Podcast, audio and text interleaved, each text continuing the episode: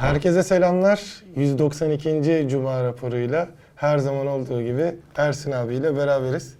Bu sefer masadayız abi. Masadayız. Bir değişiklik yaptık bu Bir, masa bir, gelince. bir sürede böyle gidelim. Sonra Yani. tekrar koltuğa geçiyoruz. Belki haftaya geçiyoruz koltuğa. Belli olmaz. Yani şey açısından da e, farklılık açısından da arkadaşlar da yazarlar zaten böyle daha ya da De- koltuk de- iyi. delidir ne yapsa yeridir diye. Bir gün öyle bir gün böyle. Havalar biraz düzelsin bahçeye çıkarız Bahçeye tekrar. çıkarız. Ki geçen yaz bahçede niyeyse çok çekmedik. Şimdi onu fark ettim Evet. düşünürken. Niye çekmedik bahçede?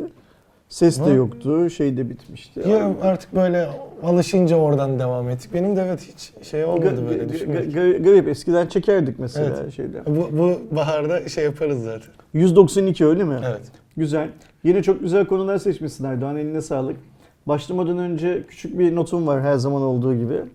Ee, Türkiye'nin neredeyse bu yeni dönem şirketlerinin tamamında yani hizmet şirketi diyebileceğimiz sizin verdiğiniz siparişi aslında size getirmekle yükümlü olan bugüne kadar farklı farklı yöntemlerle yaptığımız şirketlerin tamamında e, başta motorcular olmak üzere çalışan depo elemanlarının falan çoğu grev yapıyorlar. Evet. Ve e, yönetimin kendilerine verdiği hakkı gördüğümüz kadarıyla söke söke alıyorlar bir şekilde. E, yemek sepetinde de böyle bir grev söz konusu şu anda. Ama yemek sepeti yönetimi niyeyse Hepsi şeyle jet kısmında değil mi abi? e, çalışanlarla masaya oturup bunun şeyini yapmaktan yana tavır sergilemiyor anladığımız kadarıyla. E, biz diğer şirketlerde bu işin çok kolay çözüldüğünü gördük ya. İki günde, üç günde falan çözüldü hepsinde. E, yemek sepetinde de bir an önce çözülmesini şey yapalım, dileyelim. Aynı zamanda Migros'ta da böyle bir şey var şu anda, e, gelişme var. Hı hı. Migros'un da zorluk çıkarmadan insanlara hak ettiği şeyi ne derler maaş zammını ve sosyal hakları vermesini Tabii ki dileyelim. ya, şu şartlarda özellikle. Ve e, bu direnişlerde e, görüyoruz ki hala bazı şirketlerde sendikal hak, sendikal haklar çalışanlara tanınmamış durumda. İnşallah bu e, nasıl söyleyeyim grev hakkının ya da işi yavaşlatma hakkının ya da şeyle patronla en kaba tabiriyle maaş pazarlığı yapma hakkının görüldüğü esnada sendikanın da önünün açılması, sendikal gelişmelerin de tamamlanması açısından şey olur, bir altlık olur. Sendikasız çalışan şey kalmaz, e, işçi kalmaz inşallah. E, Ve biz tez zamanda işte şimdi sadece belki yemek sepetiyle Migros'un adını andık ama geri kalan kaç tane bu gibi şey varsa, e, çalışan varsa şirkette hepsinin hızlıca çözüldüğünü duyarız. Umarım. Bu arkadaşlara yardımcı olan, yol gösteren sendika yöneticilerini de peşin peşin kutlayalım. Bugüne kadar emekleri biraz şey oldu bu yöneticilerin. eee, ne derler? Kakafoninin arkasında kaldı. Ama aslında esas dert nedir? Eee, insanların haklarını örgütlü olarak talep etmeleridir. Benim tek başıma patrona gidip maaşıma iki misli, üç misli, beş misli zam yaptırmam teoride aslında hiçbir şey ifade etmez. Ee, sadece bu konuda değil örgütlülük her konuda. Örgütlü kelimesi bu 80 darbesinden sonra Türk dilinde biraz şey yerleşti. Olumsuz Ne derler? Aynen öyle olumsuz yerleşti. Ve çok kullanılmaması tercih edildi bence. Ee, bu belki bilerek yapıldı bilmiyorum. Türkiye yönetenlerin belki de bir tercihiydi. Ama örgütlü olmak öyle kulağa geldiği kadar Aynen. Örgütlenme kötü, bir şey değil. ve e, uzak durulması gereken bir şey değil. Örgütlü olmak aslında iyi bir şey. Tabii ki. Biz örgütlenmeleri nerede görüyoruz mesela son zamanlarda? Boğaziçi Üniversitesi'nde görüyoruz. Öğrenci kanadında, eğitimci kanadında, akademisyen kanadında ayrı ayrı. Ee, ve onların yaptığı mücadelenin neye karşı olup olmadığı önemsiz bir şekilde mücadele yapabilmenin gücünü örgütlü olmaktan aldıklarını da şey yapmamak lazım. Ne derler? Unutmamak lazım. Bu şey demek değil. Her örgütlü topluluğun her savı haklıdır, kabul edilebilir bilmem ne filan demek değil. Ancak şöyle bir hikaye var. Herhangi bir iş kolunda ya da herhangi bir e, sosyokültürel grup içinde belli sayıda bir insan yani örgütlenmiş bir insan topluluğu yanlış bile olsa bir şey söylüyorsa birilerinin oturup onları dinlemesi gerekiyor. Doğru. Ee, ve eğer onlar yanlış bir şey bile söylüyorlarsa onların hangi noktalarda hata yaptıklarını, hangi noktalarda yanlış söylediklerini topluluğun geri kalanlarının onları anlatması gerekiyor. İşte örgütlü olmak her şeyden önce insana böyle bir güç verir. Örgütlenme işini sadece İstanbul Taksiciler Odası'na şey yapmamak lazım. Ne derler? Bırakmamak lazım. İstanbul'daki taksicilerin de, İstanbul'daki minibüsçülerin de tabii ki örgütlenme hakkı var, yok Tabii ki. değil. Ama oluşumlara bu gözle bakmak lazım diyelim. Ee, ve senin haberlerine hızlıca dalalım. Ne dersin? Geçmeden ben bu sefer e, ben de bir şey eklemiş olayım. Bir e, üç gün önce zaten 1 Şubat e, sevgili Barış Manço'nun e, anma dönemiydi. E, hatta işte o günde konuştuk. Ben normalde geçen sene ya da ondan önceki sene e, CKM'deki işte etkinlik yapılır zaten. Kadıköy Hı hı. Belediyesi e, hem Barış Manço e, Kültür Merkezi'ni bir hafta boyunca ücretsiz bir şekilde ziyaretçilere açıyor. Galiba bu haftada devam ediyordur. Eğer İstanbul'da olanlar ya da yolu düşenler olursa e, Moda'daki evine bence mutlaka uğramalı. Bir de her e, 1 Şubat akşamında da e, Kurtalan Ekspres'in bir konseri olurdu Barış Manço şarkılarıyla. Bu sene de bir gitmeye niyetlenmiştim. Ama Ersin abiyle de konuştuk. Yani şu dönemki artan omikron ki zaten hani e, haber olarak almadım ama Türkiye'de de ilk defa 100 bini aştı bir günde. Bu aşan dönemde gitmenin mantıklı olmayacağını e, Ersin abi uyarınca evet dedim hani bu sene e, pas geçeyim ama gerçekten hani çok büyük bir değeri de tekrar almış olalım. Bir de aslında bu tarz şeylerde çok e, girmekle girmemek arasında kaldığım konu oldu ama dünkü e, Samsun'daki Samsun. e, olay. Hani onun üzerine çok bir şey de e, dememek lazım. Çünkü çok gerçekten Türkiye'deki en önemli e, değer diyebileceğimiz kişi tabii ki Mustafa Kemal Atatürk. Oradaki yapılan şeye de en azından orada da bir örgütlenerek aslında bir cevap verilmiş oldu.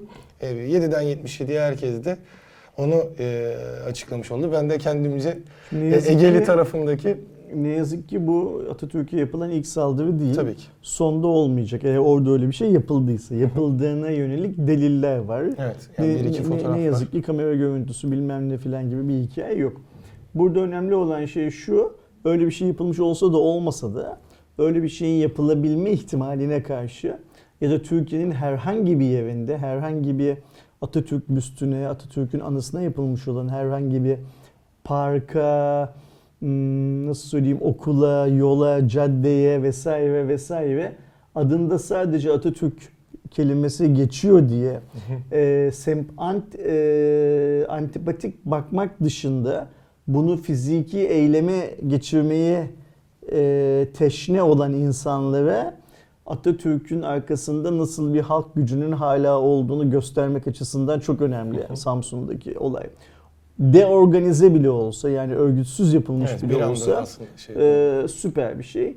Ee, biz Anadolu'nun her yerinde, e, en ufak kasabasında, en ufak köyünde bile bir tane Atatürk büstü olmasından gurur duyuyoruz.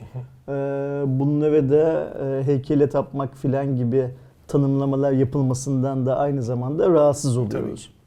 Bu çok basit. Yani hani bunun şey yapılabilir, ne der, tartışılabilir bir yanı yok.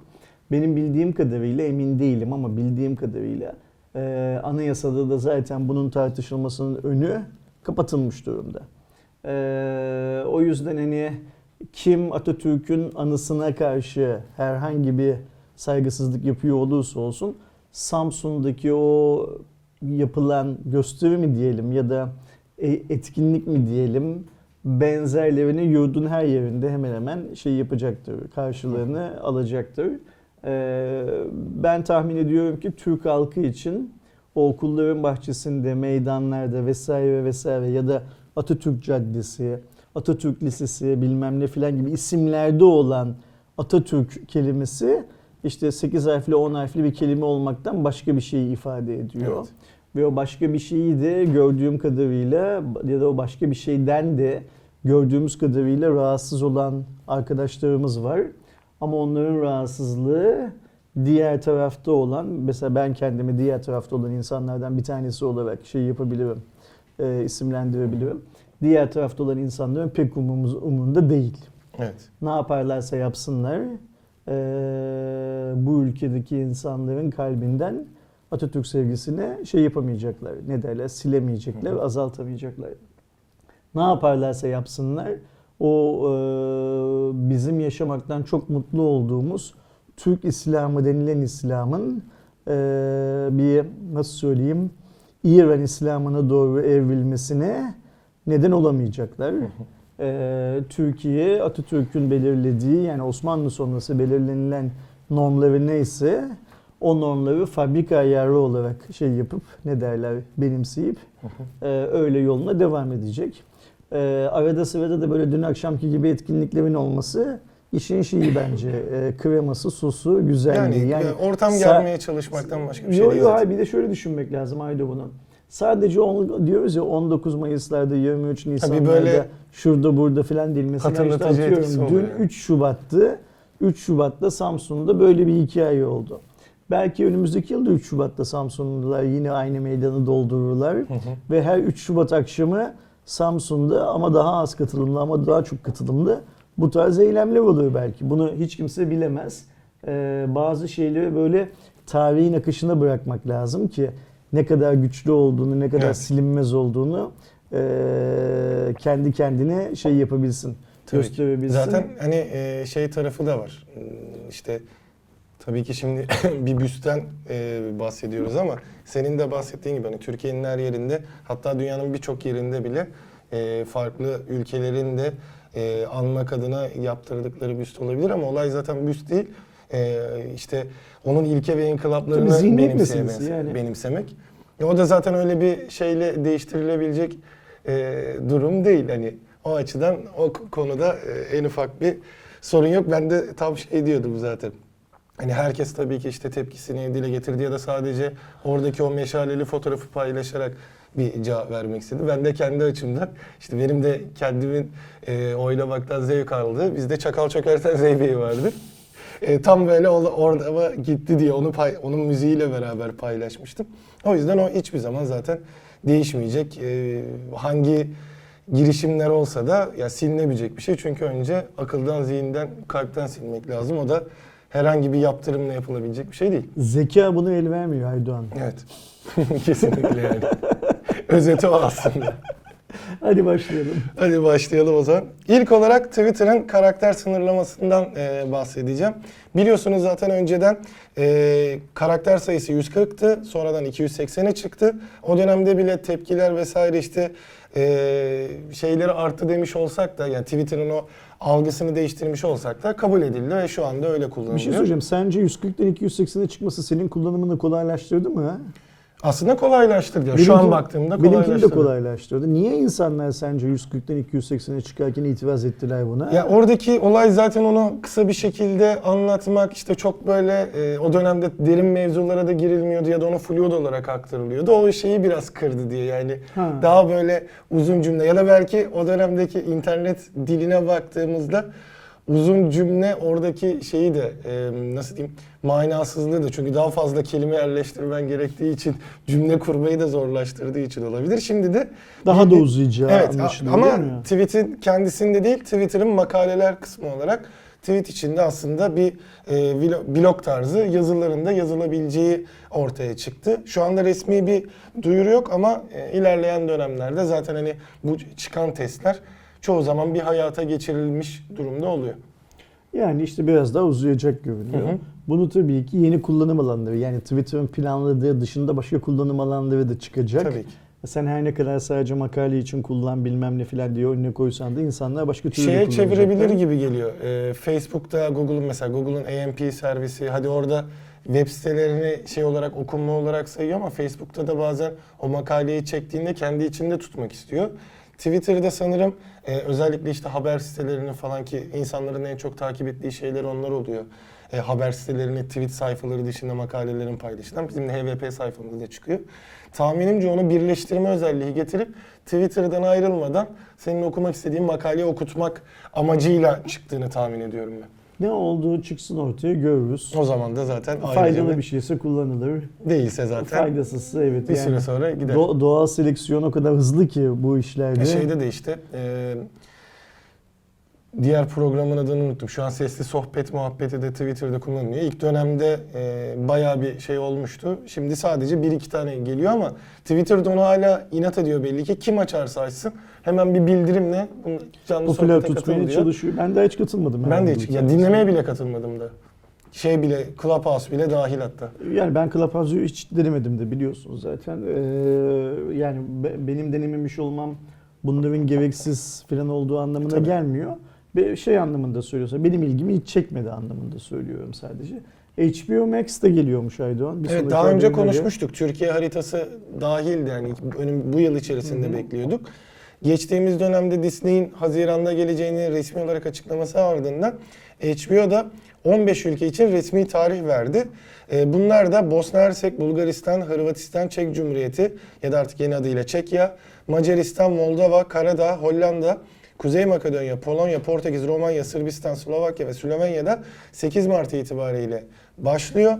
Arasında e, Türkiye ve Yunanistan olan e, kalan 6 Avrupa ülkesinin de yıl sonunda e, olacağı açıklandı. Bir diğer yandan da e, Barış Zavaroğlu da HBO Max'in Türkiye Genel Müdürü olarak atanmıştı. Yani Hayırlı olsun. e, dünyadaki e, bütün platformlar bu 2022 yılı içerisinde yazın Disney Plus, e, sene sonunda da HBO Max tabii ki yine Hulu vesaire gibi bir iki platform daha var Türkiye'ye girmeyen ama en azından büyük yapımların olduğu e, bütün platformlarda gelmiş olacak. Bana bu HBO ve Disney Plus hikayesinde hangisi daha erken girerse pazara yani Netflix'ten sonra Türkiye'deki ikinci büyük olmayı hangisi başarırsa parsayı o götürecekmiş gibi şey yapıyor. Ben de öyle seziyorum. e, Geliyor. Birazcık şey avantajı var tabii. Disney'in elindeki markalarının çok büyük avantajı var. Ama şöyle bir şey var. HBO'da eğer atıyorum Chernobyl gibi, Game of Thrones filan gibi yeni bir e, seviyeyle eğer giriş yapabilirse o zaman Yani. hani e, şey yapacaktır. E, Netflix'in de Disney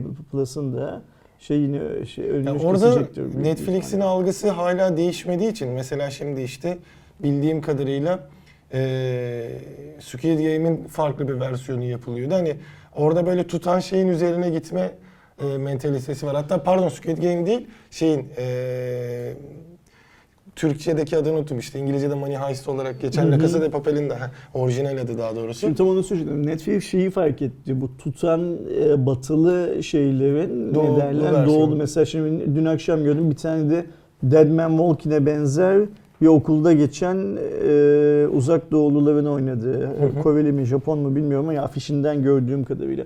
Dün akşam ne izlesem diye bir bakınıyordum biraz da. E, konseptten, ko- içerikten ikinci kez ürün almanın yöntemini buldu Netflix. Onun bir batılısını bir doğulusunu filan çekiyor. Bizim Türk film sektörü de işte Kore filmlerinden böyle Hı hı. alınıyordu. Kore'deki tutan dizilerin isim haklarını, senaryolarını alıp Türkiye'de lokalize edip ama gerçek anlamda yani Türk kültürüne uydurup Evet. Onu güzel de yapıyorlardı. Onu da güzel yapıyor. Hatta o yaptıkları eserlerden de çok fazla satış da yapıyorlardı. Netflix de şimdi bunu yapıyor. Tabii şeyi anlamaya zor biraz. Yani mesela e, ben e, Dead Man Walking'in bile son bir iki sezonunu izlememiş bir adamım. İlk sezonlarını e, çok feci bir bağımlılıkla izliyor olmama rağmen kalkıp benzer bir hikayenin bir lisede geçiyor olmasını oturur izler miyim? Mesela o ayrı bir hikaye. Göreceğiz neyin ne olduğunu. Ama tabii ki HBO Max'in Türkiye'ye geliyor olması iyi. E tabii ki zaten Ee, bütün yapımları Türkiye'de fazlasıyla sevildi de. Sevildi. He. Ee, burada sadece şeylere biraz sıkıntı çıkartır. Yani diğer Türkiye'deki hizmetlere işte e, Blue mesela tabii artık Discovery ile ortaklığa gittiği için ayrı bir şeyde de önceden çünkü Blue olsun işte diğer platformlar olsun ya da e, Beyin'in Beyin Connect'e falan alıyordu. Özellikle HBO yapımları çok fazla vardı. Şimdi kendi haklarıyla beraber gireceği için diğer platformların e, satabileceği şey çok kalmayacak. Yabancı yapımlar çok fazla Herkes kalmayacak. kendi işine baksın. Ama şu anda en büyük dezavantajı da bence Netflix görecek Türkiye'de. Çünkü yani şu anda da baktığımda örneğin e, Eksen'de çıkan bir iki yapım ben son dönemde mesela Gibi'yi severek izliyorum. Feyyaz'ın e, projesi olan. E, Blue'da da birçok proje çıkmaya başladı şu anda ilgi çeken ya da oraya biraz daha insanı almaya başladıkları. E şimdi e, globaldeki en büyük markalar olan Disney ile HBO da Türkiye'ye girdikten sonra hani ben şu, şu günlerde bile Netflix'e girdiğimde ne izlesem diye bir şey bulamıyorken büyük ihtimalle e, Disney ile HBO ile beraber yüzüne bile hele Amazon'da işte Yüzüklerin Efendisi'nin şeyi geliyor falan pek bir şey kalmayacak gibi. Kendini şu büyük stüdyolara iteleyen kurtulacak. Yani işte şey bunu yaptı. Ee, National Geographic'e e, iteleyerek e, Şey, e, Discovery. Dis, pardon Discovery'ye iteleyerek o kurtuldu işte. İteleyen kurtulacak. itelemeyen, iteleyemeyen ya da öyle işte arada derede Ha, buradaki bir diğer yandan en merak ettiğim şey eğer Disney ve HBO da hatta Amazon'un bir ara öyle bir projesi vardı deniyordu sanırım. Lokallere de girmeye başlarlarsa hani işte Türkiye'de bir yapım tabii çekmeye falan girecekler filan. mutlaka girecekler. O bizim dizi sektörünü de çok ciddi ya da sinema sektörünü de ciddi oranda ekler, etkiler. Çünkü Ama bence pozitif anlamda etkili. tabii tabii tam Yani- olarak onu diyorum. Netflix'in girmesi bile hani şey kalitesinde tabii ki eleştirdiğimiz vesaire saçma gelen noktalar vardı ama prodüksiyon kalitesinde de o büyük eee, yatırımların etkisini Türkiye'de Ya bir, görmeye bir başlarız. kere şöyle bir şey var Aydoğan. Şimdi herkes dizilerin uzunluğundan çok şikayetçi. Mesela Doğuş bir dizi izliyor. Dizi çok geç başlıyor. Gece saat 12'den sonra filan bitiyor dizi. Yani ama sadece izleyici tarafında insanlar şikayetçi değil. Benim bildiğim kadarıyla oyuncusu da şikayetçi, Evet. senaristi de şikayetçi, set işçisi de şikayetçi, reklam verenler de şikayetçi filan filan böyle bir hikaye var. Ve bu kadar şikayete rağmen o sektör mesela bir türlü dünya standartlarına kavuşamıyor. Çünkü niye? Türkiye'de muazzam bir her kanalın diğerinden bir dakika çalma derdi var. E, durum böyle olunca e, bu kanallar yani atıyorum Kanal D, ATV, Star, Fox filan birbirleriyle rekabet edemez hale geldikleri için bunlarla Netflix'in ya da işte atıyorum HBO'nun ya da e, Disney'in rekabet etmesi gerekecek. Ve onlar rekabet etmeye başladığı zaman bunlar bu saçma sapan uzunluklardan vazgeçecekler. Yani ben mesela bilmiyorum benim gibi düşünen var mı ama Netflix'te bir dizi izlemeye başlayacağım zaman ilk önce açıp bölümlerinin kaçar dakika olduğuna bakıyorum. Ve eğer kısa bölümlerden oluşan bir dizi ise daha çok izleme şeyine sahip Evet. oluyorum. Ne derler? isteğine sahip oluyorum.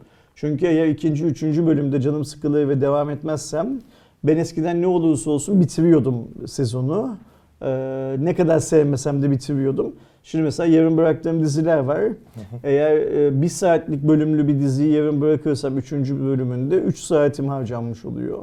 24 dakikalık 25 dakikalık bir bölü- diziyi bırakırsam 1 saatim harcanmış oluyor. O yüzden e, şeye Türk dizi sektörüne pozitif katkısı olacaktır. Kesinlikle. Tabii ki o saatlerce tek kameradan benim şu an bizim kameraya baktığım gibi böyle hiç konuşmadan böyle durulan ve arkada müzik çalan Evet. sahnelerden sırf süreyi uzatmak için yakışıklı çocuk güzel kız sahnelerinden ya da mesela şeyler türemiş şimdi onu da sosyal medyada görüyorum. Yürüyüş sahneleri türemiş. Hmm. Yani böyle bir otel içinde bir koridorda kızcağızın yürüdüğü bir sahne var. Atıyorum sevgilisine gittiği sahne.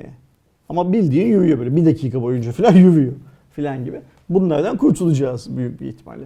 Hadi gel bir sonraki habere geçelim. Çünkü bir sonraki haber bence bu hafta Cuma raporunda konuşacağımız en önemli haber. Evet yani tabii ki şu anda sadece söylem olarak kalsa da Cumhurbaşkanı Sayın Recep Tayyip Erdoğan Trabzon'da e, AK Parti'nin bir gençlik buluşması etkinliğine katıldı. Ve orada bir öğrenci de e, Sayın Cumhurbaşkanım bizler teknolojiyle oldukça iç içeyiz. Fakat şu anda bilgisayar, telefon gibi ihtiyaçlarımızı karşılamak maliyetli. Bu konuda bizlere destek müjdesi verir misiniz? Böyle bir çalışma var mı? Vergi oranlarında bir düşüş gerçekleşebilir mi diye bir soru, yö- soru yöneltti. Ee, Erdoğan da gençlerimizin bu talepleri maliyet olarak bize ne getirir ne götürür? Ee, bu konuda Hazine ve Maliye Bakanlığı ile çalışma yapalım. Ona göre bir adım atalım diye talimat vermiş orada bir söylem yapmış oldu. Çok, çok güzel. Erdoğan'ın böyle bir şey söylemiş olması çok güzel her şeyden önce. İnşallah e, bu gençler Erdoğan'ın bu sözünün takipçisi olurlar. Şöyle takipçisi olurlar. Şimdi biz şunu biliyoruz. Son 4-5 yıldan beri teknolojik cihazların daha çok insana ulaşması için Türkiye Cumhuriyeti Devleti hiçbir pozitif gelişme yapmadı. Evet. Sayın Cumhurbaşkanı kendi ağzından işte bu cihazların e, gayri safi milli hasıladaki dışı açığı körüklediğini bile söyledi bir dönem. E, ondan sonra işte bunun çok doğru bir bilgi olmadığı bilmem ne filan filan konuşuldu ama şeyle başlayan süreçte bu e-mail ücretlerinin tavana götürülmesi sürecinde ki onu hep söylüyorum orada bence STK'lar, sektör STK'ları yanlış yaptılar. Yani kendi bacaklarına sıktılar. Bence de. Şu anda hala e-mail ücretlerinin böyle yukarıya taşınmasından memnunmuş gibi görünüyorlar ama bu uzun vadede e-mail kayıt ücretlerinin bu kadar yukarıda olması uzun vadede ne hükümete ne sektördeki satış yapan yani o STK'ların söylemi neydi Aydoğan? İnsanlar yolcu beraberinde diye dışarıdan telefon getiriyorlar, buradan telefon almıyorlardı. Ee, bununla yola çıktılar. Eski Maliye Bakanı'nı ikna ettiler bir şekilde ve onların bile istediğinden ya da hedeflediğinden ya da sunduklarından çok çok daha yukarıda bir rakama şey oldu, fixlendi e-mail kayıt ücreti. Ve bunun ardından artık Türkiye'ye dışarıdan cep telefonu getirmek mantıksız bir hal aldı. Sonra ikinci darbe neydi? 200 dolar kararnamesiydi. Ne olursa olsun biz her şeyi 200 dolar olarak şey yapacağız. Bu da çok büyük bir darbe vurdu Türkiye'deki teknoloji cihazların tüketimine. Ha şöyle bir faydası oldu. 200 dolar kararnamesi yüzünden bu markaların tamamı Türkiye'de üretim yapmaya başladılar. Yani işsizliğe pozitif bir katkı sundular filan filan ama işte ister istemez bu 200 dolar kararnamesi de fiyatların yukarıya gitmesine neden oldu. Şimdi ben bu arkadaşımızın sorduğu sorudan anlıyorum ki vergi oranlarında bir düşüş gerçekleşebilir mi diye yekten soruyor zaten. Yani hani e, aslında söylediği şey basit. Sayın Cumhurbaşkanı diyor. Çok vergi var bu cihazlarda. Bunu azaltmak gibi bir En azından öğrenciler için. Sayın Cumhurbaşkanı da sağ olsun pozitif yaklaşıyor buna. Bir diyor Hazine ve Maliye Bakanlığı ile çalışma yapalım. Ee, ona göre bir adım atalım diyor. Yani atarız demiyor bak atalım diyor şey anlamında. Ben buradan şöyle anlıyorum. Sayın Cumhurbaşkanı da burada bir şeylerin yanlış gittiğinin farkında. Yani hep söylenilen bir şey vardı ya Aydoğan. Ee, mesela e-mail fiyatları, kayıt fiyatı düş, yükseldiği zaman ee, eğer amaç devletin vergi gelirlerini yukarıda tutmaksa, şimdi bu üst başlıkla konuşuyoruz. Az sen e-mail kayıt ücretini yukarıya çıkarttığın zaman e, daha az cihaz geliyor. Evet. Cihaz başına çok para alıyorsun ama çok az cihaz geldiği için toplamdaki Sürümden kazanamıyorsun. sürümden kazanamıyorsun. İkincisi Türkiye'ye çok daha az cihaz geldiği için bu cihazların tamiratını yapan, bu cihazları aksesuar satan filan filan şirketlerin karlılığı azalıyor. Buradan da devletin bir Evet. vergi kaybı var. Üçüncüsü ben şunu çok net biliyorum ki e, GSM operatörlerinin tamamı e, bu e-mail hikayesi nedeniyle daha fazla cep telefonu satıyor olmaları, satmaya başlamalarına rağmen bu uygulamadan memnun değiller. Çok memnun değil. Çünkü onların da derdi şu, daha çok veri tüketebilecek cihazların insanların elinde olmasını istiyorlar. Yani şunu söylemeye çalışıyorum. seviyesinden ziyade. Aynen öyle. Yani Türkiye'de üretilen 2000 liraya satılan başlangıç seviyesinin şartlarını bile zor karşılayan bir cihaz yerine insanların atıyorum işte Huawei P50, Samsung S22, iPhone 13 Pro falan kullanması GSM şirketlerinin şeyine, lehine. Çünkü o daha güçlü, daha şey olduğu için Aynen daha fazla veri Daha, ha bir de şöyle bir şey o diğer ekranından bir şey izlemek de keyifli değil zaten. O yüzden Aynen. adam izlemiyor. Oynamıyor zaten. Oynamıyor filan. Bunların hepsi GSM şirketleri için negatif şeyler. O yüzden mesela bu e-mail hikayesinde bana ben bu işin şeyini yapmadım, matematiğini yapmadım ama gördüğüm kadarıyla devletin vergi gelirleri azaldı. E-mail fiyatının yükseltilmesi, kayıt ücretinin yükseltilmesini talep eden sektörün de işlevi yükselmedi.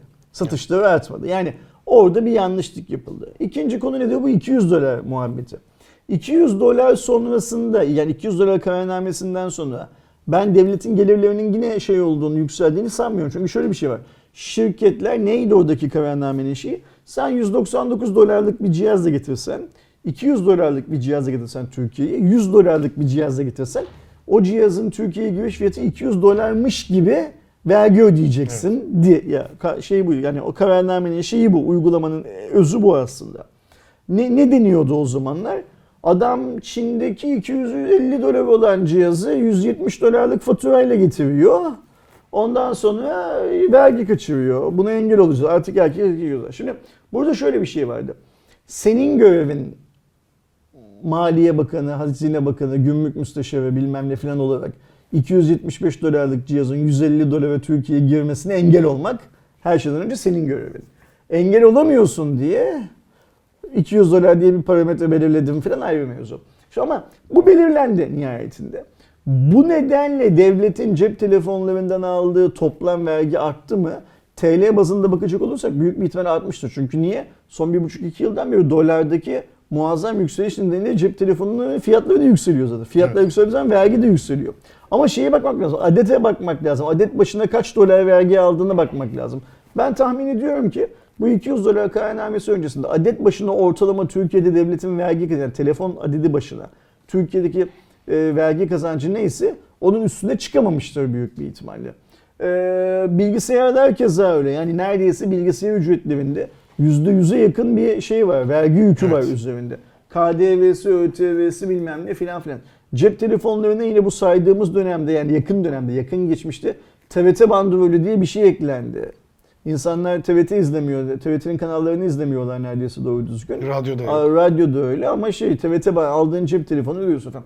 O yüzden eğer Sayın Cumhurbaşkanı Recep Tayyip Erdoğan'ın talimatıyla Hazine ve Maliye Bakanlığı başta olmak üzere hükümetin bürokratları doğru düzgün bir inceleme yaparlarsa e, ellerinde hazır bu e-mail kayıt ücreti e, 200 dolar muhabbetinin öncesine ait rakamlar da olduğu için o günkü döviz kurları bilmem neler de çok açık belli olduğu için çok salim kafayla yapılan yanlışlardan geriye dönmek mümkün gibi geliyor ve bu Trabzon'du değil mi?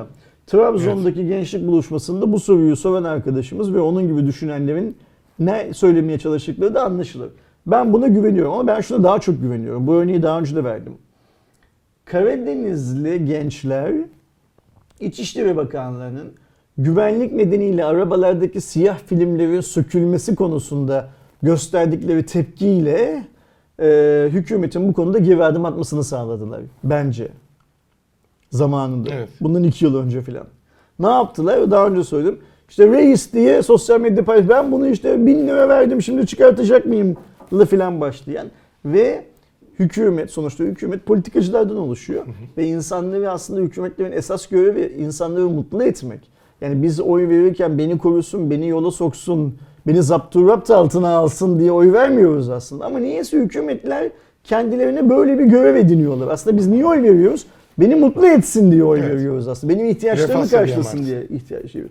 Şimdi bu Karadenizli arkadaşlarımızın e, doblolarıyla, kedileriyle filan yaptıkları paylaşımlar neticesinde İçişleri Bakanlığı bu şeyden resmi olarak vazgeçmese bile uygulamada öyle yolda arabaları durdurup bilmem ne sök bunu ceza yazacağız filan muhabbetinden unuttu, unuttular ya bir anda. O yüzden ben yine bu konuda da Karadenizlilere ve Trabzon başta olmak üzere, Rize başta olmak üzere Karadenizlilere güveniyorum. Eğer Karadenizli gençler bu konunun takipçisi olurlarsa ben eminim mm, yaz gelmeden biz bu teknolojik cihazların fiyatlandırmasında mutlaka bir revize yapıldığını görürüz. Ha bu revize tatminkar olur mu olmaz mı? İşte öyle mi olur böyle mi? Şöyle mi olur böyle mi? Hiç fark etmez. Sıfırdan bir büyüktür. Tabii ki. 1 lira indirim yapılması sağlansa e, Trabzon'da bu soruyu soran adını bilmediğimiz arkadaşımızın e, çabaları yüzünden yapılmış olur. O yüzden bu konuyu büyük bir ihtimalle hepimizin çok yakından şey yapmamız gerekiyor, takip etmemiz gerekiyor. Ve eğer e, Cumhurbaşkanlık makamı olarak Cumhurbaşkanlık makamı bu işi unutursa ki unutur öncelik bu değil. Baksana dünyada neler oluyor Ukrayna, Rusya, Almanya bilmem ne filan filan. Ee, unutmamasını sağlamak gerekiyor. Araba filminde ne yaptılar? Unutmamasını sağladılar. Ben biliyorum ki 30-35 gün boyunca her gün paylaşım yapan Doblo sahibi Trabzonlular vardı. Doğru. O yüzden eee, yine sadece şeye değil Trabzonlular ve Karadenizliler değil Türkiye'nin her yerindeki gençlere düşen şey de bu konuyla ilgili taleplerini düzenli aralıklarla Cumhurbaşkanlığına iletmek. Niye iletmek? Hatırlanmasını sağlamak Evet. için iletmek. Çünkü dedik ya yani hani hmm, Rusya ile eee, Ukrayna arasındaki sorunun çözümü konusunda bile araya girmesi beklenen bir Türkiye Cumhuriyeti Devleti senin e, e-mail kayıt ücretinle e, cep telefonundaki bilmem ne vergisiyle ilgilenmeye zaman bulamayabilir. Ama sen vatandaş olarak bunu hükümete anlatmak, hükümete, hatırlatmak zorundasın. Evet. Sen talep edeceksin. Biz talep edersek bu iş olur gibime geliyor. Hadi inşallah diyelim. İnşallah. Bir diğer devlet kanadından habere geldiğimizde de bu sefer de Ticaret Bakanlığı tarafından hazırlanan Ticari Reklam ve Haksız Ticari Uygulamalar Yönetmeliğindeki değişiklik var. Aslında temel bazda özellikle bu işte efsane cuma, kara cuma bilmem ne falan filan indirimlerinde hep şey olgusu vardı. İşte hatta e, insanlarda paylaşırken gerçek indirim demeye başladı. Çünkü niye? İndirim dönemi başlamadan önce fiyatlar yükseltilir benzer fiyatı indirimmiş gibi gösterilirdi. Ya da e, bu tarz siteler indirim döneminde ana fiyatı yüksek gösterip biz işte normalde %5 indirim yaptıysa %20 indirimmiş gibi gösterirdi. Şimdiki düzenleme 1 Mart'la itibariyle başlıyor. Önümüzdeki aydan itibaren ve e, yönetmeliğe göre de artık bu indirimler daha düzgün bir şekilde gerçek indirim e, Son, minvalinde yapılacak. son 30 günün en düşük fiyatı esas alınacak. Yani Evet. mesela diyelim ki bu ne telefon olarak? 11T Pro. 11T Pro. Bugün 10 liraya satıyorsun Aydoğan bu cihazı. Yarın 15 lira yaptın. Ee, ve bir sonraki günde fiyatını 7,5 liraya düşürdün. %50 indirimli diyemeyeceksin buna. Evet. 10 lira ise %25 indirimli diyeceksin artık. Ve eğer sen buna %50 indirimli dersen kanunu çiğnemiş olacaksın. Ee, büyük bir ihtimalle çoğu konuda olduğumuz gibi devletimiz bunu kendiliğinden tespit edebilecek mekanizmalara sahip olmayacağı için bizim vatandaş olarak seni şikayet etmemiz gerekecek. Evet. Bunu şikayet ettiğimiz zaman sen bunu nerede satıyorsun diyelim ki hepsi burada da Trendyol'da bilmem nerede filan satıyorsun. Bakanlık diyecek ki hepsi böyle diye. Aydoğan'ın diyecek şu cihazı son 30 günde hangi fiyatlardan listelediğini bize bir gönder. Hepsi burada diyecek. Hepsi burada gönderecek. Bakanlık bakacak lan Aydoğan diyecek sen bunu 10 liraya satıyormuşsun zaten. Nereden çıkarttın 15 liraya hikayesini. Burada tüketiciyi kandırıyorsun. Al sana cezayı. Al sana bomba. Evet. diyecek Yani. Bir diğer yandan şey de var abi. Özellikle e, zaten o hani birçok kişi açısından tahmin ediliyordur. Markalar e, e-ticaret sitelerinde çok satanlar, önerilenler bölümüne ücretle beraber kendini orada gösterme şansına sahipti. Daha doğrusu şöyle şey. E-ticaret sitelerinin tamamı bu ana sayfadaki banner alanlarını, en çok satanlar, en çok indirime girenler, en çok bakılanlar bilmem ne filan filan gibi listeleri her ne kadar ziyaretçilerine organikmiş gibi sunsalar da aslında bu listelere girmek için markalardan para talep ediyorlardı. Değil mi? Evet. Aslında iş böyle. Markalar o listelere girebilmek için para veriyorlar. Ya da şu oluyordu. Ben bakıyordum Aydoğan benim rakibim bu telefonu satıyor. Ee, ben de bu fincanı satmak istiyorum. Aydoğan o listede en çok bakılanlar, en çok satılan listesinde ikinci numarada. iki numarada. Ben siteye diyordum ki ya ben bir olmam lazım. Bunun kaç sattığı önemsiz. Benim Aydoğan'ın üstünde olmam lazım diyordum. Sitede bana diyordu ki at bir sakal. Halledelim bu işi. Artık bu iş Evet. yapılamayacak. Kesinlikle. E, Bu sadece ya da şöyle yapılacak ama reklam ibaresi olacak yani çok satanlarda e, çok satmayıp işte marka anlaşması vesaire durumlardan dolayı eklenen şeyler varsa bunu reklam olarak orada belirtilecek ya da o banner alanlarında parayla yapılan öneriler vesaire belirtilecek. Burada yine sen diyemem değişme bir şey soracağım. Bakanlık çok kısa bir süre önce bizim yaptığımız işte de işbirliklerinin, reklamların birbirinden ayrılabilmesi için çok muazzam bir adım attı. Evet. Biliyorsun ben bu adımın yıllardan beri atılması gerektiğini düşünüyordum. Ayrıca böyle bir adım atılmasına da gerek olmadığını da söylüyorum. Zaten bizim basın kanunumuz bu adımları zaten zorunlu kılıyordu atılmasını. Ancak e, yayıncılık yaptığını iddia eden ben influencer'ım diye ortalığa dökülen bazı tipler kanunu öyle yorumlamadıkları için bakanlık böyle bir açıklama yapmak zorunda kaldı. Hardware Plus olarak bizde bir değişiklik olmadı. Biz zaten mavi intromuz, bu bir advertorial'dı bir ibaremizde filan yolumuza zaten devam ediyorduk. Devam ediyoruz. Benim gördüğüm kadarıyla kimsenin mesela şu anda bu hikayeler çok umurlarında değil. Evet. Instagram'da, Twitter'da paylaşım yapan bir kısım zevat buna şey veriyor, önem veriyor. Ama mesela YouTube yayıncılarının hiçbirisinin çok da umurunda değil. Burada önemli olan şey şu Aydoğan. Ee, mesela bizi izleyen adamların kaç tanesi herhangi bir YouTube videosunu ben bu, bu videonun reklam, gizli reklam olduğunu düşünüyorum diye Ticaret Bakanlığı'na şikayet etti bugüne kadar. Eğer herhangi bir YouTube videosunda Ticaret Bakanlığı'na şikayet etmediyseniz bugüne kadar şu uygulamaların da hiçbirisi sizin için şeye dönmeyecek. Fayda yaratır hale dönmeyecek. Çünkü diyoruz ya eee, şu anda Türkiye Cumhuriyeti Devleti ne kırmızı ışıkta geçeni, ne emniyet şeridi kullananını, ne karısını öldüreni, ne dolandırıcılık yapanı bu yaptığı işlerden caydırabilecek önlemleri uygulayamıyor. Alamıyor demiyorum bak uygulayamıyor. Evet. Yani karısını öldüren, kız arkadaşını katleden, bilmem ne yapan ufak tefek cezalarda. Emniyet şeridine giren hiçbir ceza olmadan, trafik kırmızı ışıkta geçen hiçbir ceza olmadan bilmem ne filan filan yoluna devam ediyor. Bu kuralları çiğneyen adamlar da oh ne güzel deyip yollarına devam ediyorlar. Burada önemli olan şey bu e-ticaret sitelerinin üzerinde müşteri baskısı oluşturabilecek miyiz? Evet. Şimdi mesela ben birçok insanla görüşüyorum. Sen de görüyorsundur. Görüşmeyi bırak. Sosyal medyada herhalde her hafta mutlaka bir tane cihazın şişirilmiş fiyatıyla 2 gün 3 gün önceki fiyatının olduğu fotoğraflar görüyoruz değil mi? Şimdi eskiden bu günler web arşivden falan çıkıyorlardı zaten. Ama şimdi elektronik satış siteleri o kadar uyanıklar ki kendilerinin sistemlerini web arşive kapattılar çoğu.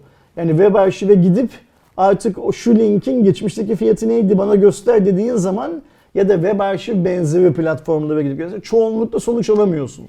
Çünkü onlar da biliyorlardı kendilerine gelmekte olan şeyi, bombayı. Burada iş dönüyor dolaşıyor. İzleyici olarak yani bizi denetlemek için izleyici olarak bizim gibileri denetlemek için. Bizi ne denetleyecek? Biz zaten her şeyi mümkün olduğu kadar şeffaf yapmaya çalışıyoruz. Bizim gibi görünen ama dolandırıcılık yapan adamları denetlemek için izleyicileri, web sitelerinde, elektronik ticaret sitelerindeki sorunları denetlemek için oradan alışveriş yapan adamlara. Yani top dönüyor dolaşıyor Aydoğan. Bu kameranın arkasında ekrandan bu videoyu izleyenlere kalıyor. Eğer siz haklarınızı savunursanız devlet size bu hakları savunmanın yolunu gösteriyor arkadaşlar. Evet. İş bu kadar. Ha şu olabilir diyebilirsiniz ki ya ben şikayet ettim herhangi bir sonuç almadım. Dert değil. Sen eğer yanlışlığı görürsen şikayet edeceksin. Bir sonuç alınmadığı konusunda da emin olamazsın. Devlet senin önüne hazır ola geçip tekmil verir gibi. Ey Aydoğan senin yaptığın bilmem ne şikayetini inceledik ve Ersin'in ağzına biber sürdük diye sana açıklama yapmak zorunda değil. Ama devlet ne yapar? Ersin'in kafasına öyle bir odunla vurur ki Ersin ne olduğunu anlamaz bile o işi çözer. O yüzden biz şikayet etmekle sadece şikayeti de şöyle değil yani öf ne bu fiyatlar bilmem ne falan diye şikayet değil. Burada bir usulsüz uygulama var. Bu ürün daha önce 10 liraya satılıyordu. Şi- Şimdi 11 liraya satılıyor ve %40 indirim varmış gibi lanse ediliyor. Hayır. Bunları bildireceksiniz arkadaşlar. Evet. Devam etsene lütfen. Bir diğer yandan e, işin yorum kısmında da bir düzenleme var. E, yorumlarda biliyorsunuz özellikle işte e, spam ya da işte gerçek olmayan yorumlar da dönüyordu. Şimdi yorum yapabilmek için o ürünü satın almış zorunluluğu geliyor ve olumlu olumsuz fark etmeksizin yayınlanması gerektiği. Bir de işin şikayet sitelerinde en başta şikayet vardı ki şikayetlere de bir düzenleme geldi. Şikayet siteye girildikten sonra markaya 72 saat süre veriliyor ve bu 72 saat sürede şikayet yayınlanmıyor. 72 saat içerisinde marka e, cevap verip sorunu çözerse ki o kısım belli değil şu anda aslında. Cevap vermezse şikayetin yayınlanması durumu var. Hani e, cevap verirse de cevap vermiş hali mi yayınlanıyor? Sorun çözüldükten sonra şikayet hiç mi yayınlanmıyor? Onunla alakalı bir detay yok ama şikayet konusunda da iyi kötü Şimdi Türkiye'de- fark etmeksizin öyle bir markaya hak tanınmış. Şimdi bu güzel bir uygulama. Bence Ayrıca de. bunun bu yorum kısmı çok da güzel. Çünkü biz yine biliyoruz ki özellikle bizimki gibi yayınları, bizimkinden kastım sırf teknoloji değil. Her anlamda bizimki gibi teknik yayınları izleyen insanların arasında şu çok çıkıyor. Ben bilmem nereden bilmem ne bir şey aldım, olumsuz yorum yazdım, sildiler yorumumu, yayınlamadılar.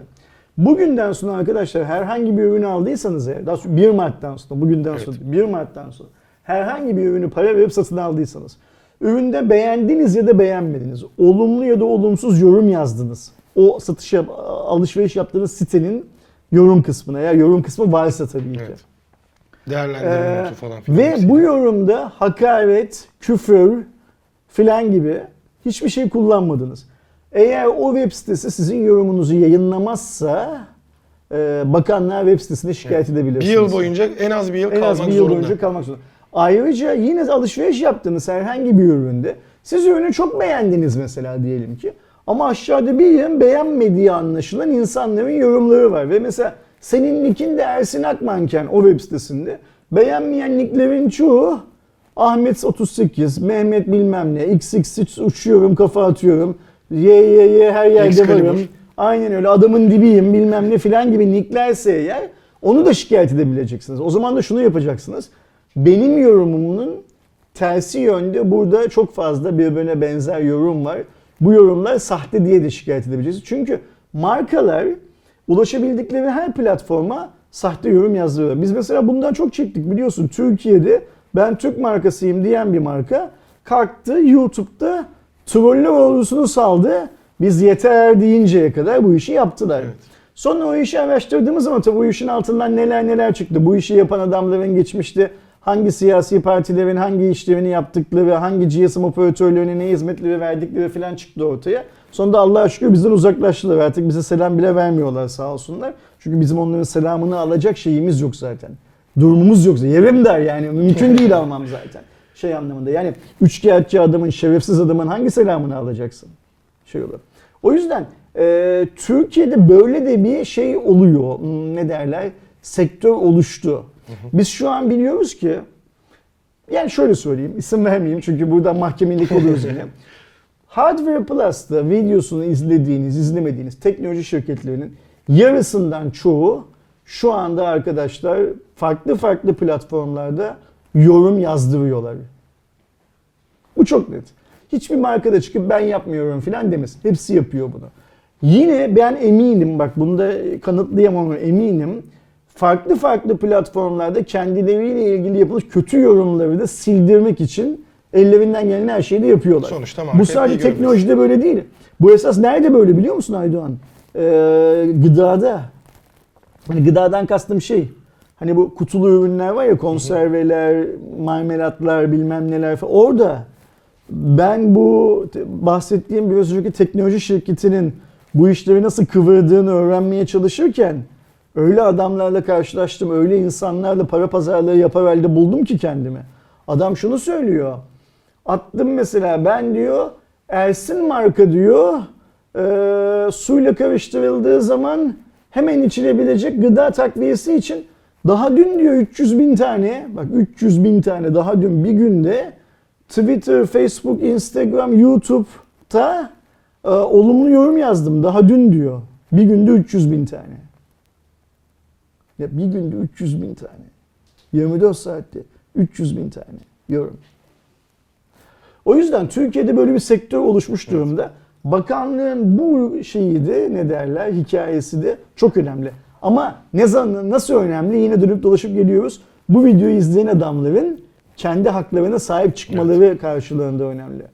Ürünü aldın, ürün başarısız, eminsin başarısız olduğundan ve başarısız olan şey sana gelen örnek değil. Yani şansa sana kötü ürün gelmiştir. Olur ya hep söylüyoruz bu üretim bandından belli oranlarda sorunlu ürün çıkıyor. Çıkmamalı. Kalite kontrol mekanizması böyle bir şey.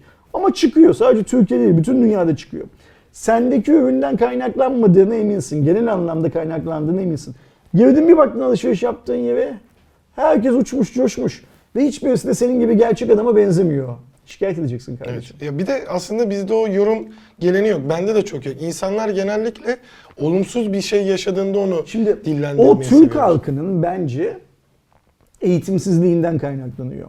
Şimdi bak biz dünyada daha WordPress icat olunmadan önce Amazon'dan alışveriş yapan Amerikalıların bir kısmının bahçecilik, peyzaj, elektronik, ev tamiratı filan filan gibi konularda kendi kahramanlarını yarattıklarını gördük. Yani bunu tabii oturduğu yerden sadece e, kendi önündeki Türkiye gündemine bakan çocuklar görmemişlerdir tabii ki bunu ama Amazon'un en büyük değerlerinden birisi e, yorumcularıydı. Ve neydi ilk başta? Herkes yorum yapabiliyordu. Sonra ne oldu? Bu adam bu ürünü almıştır oldu.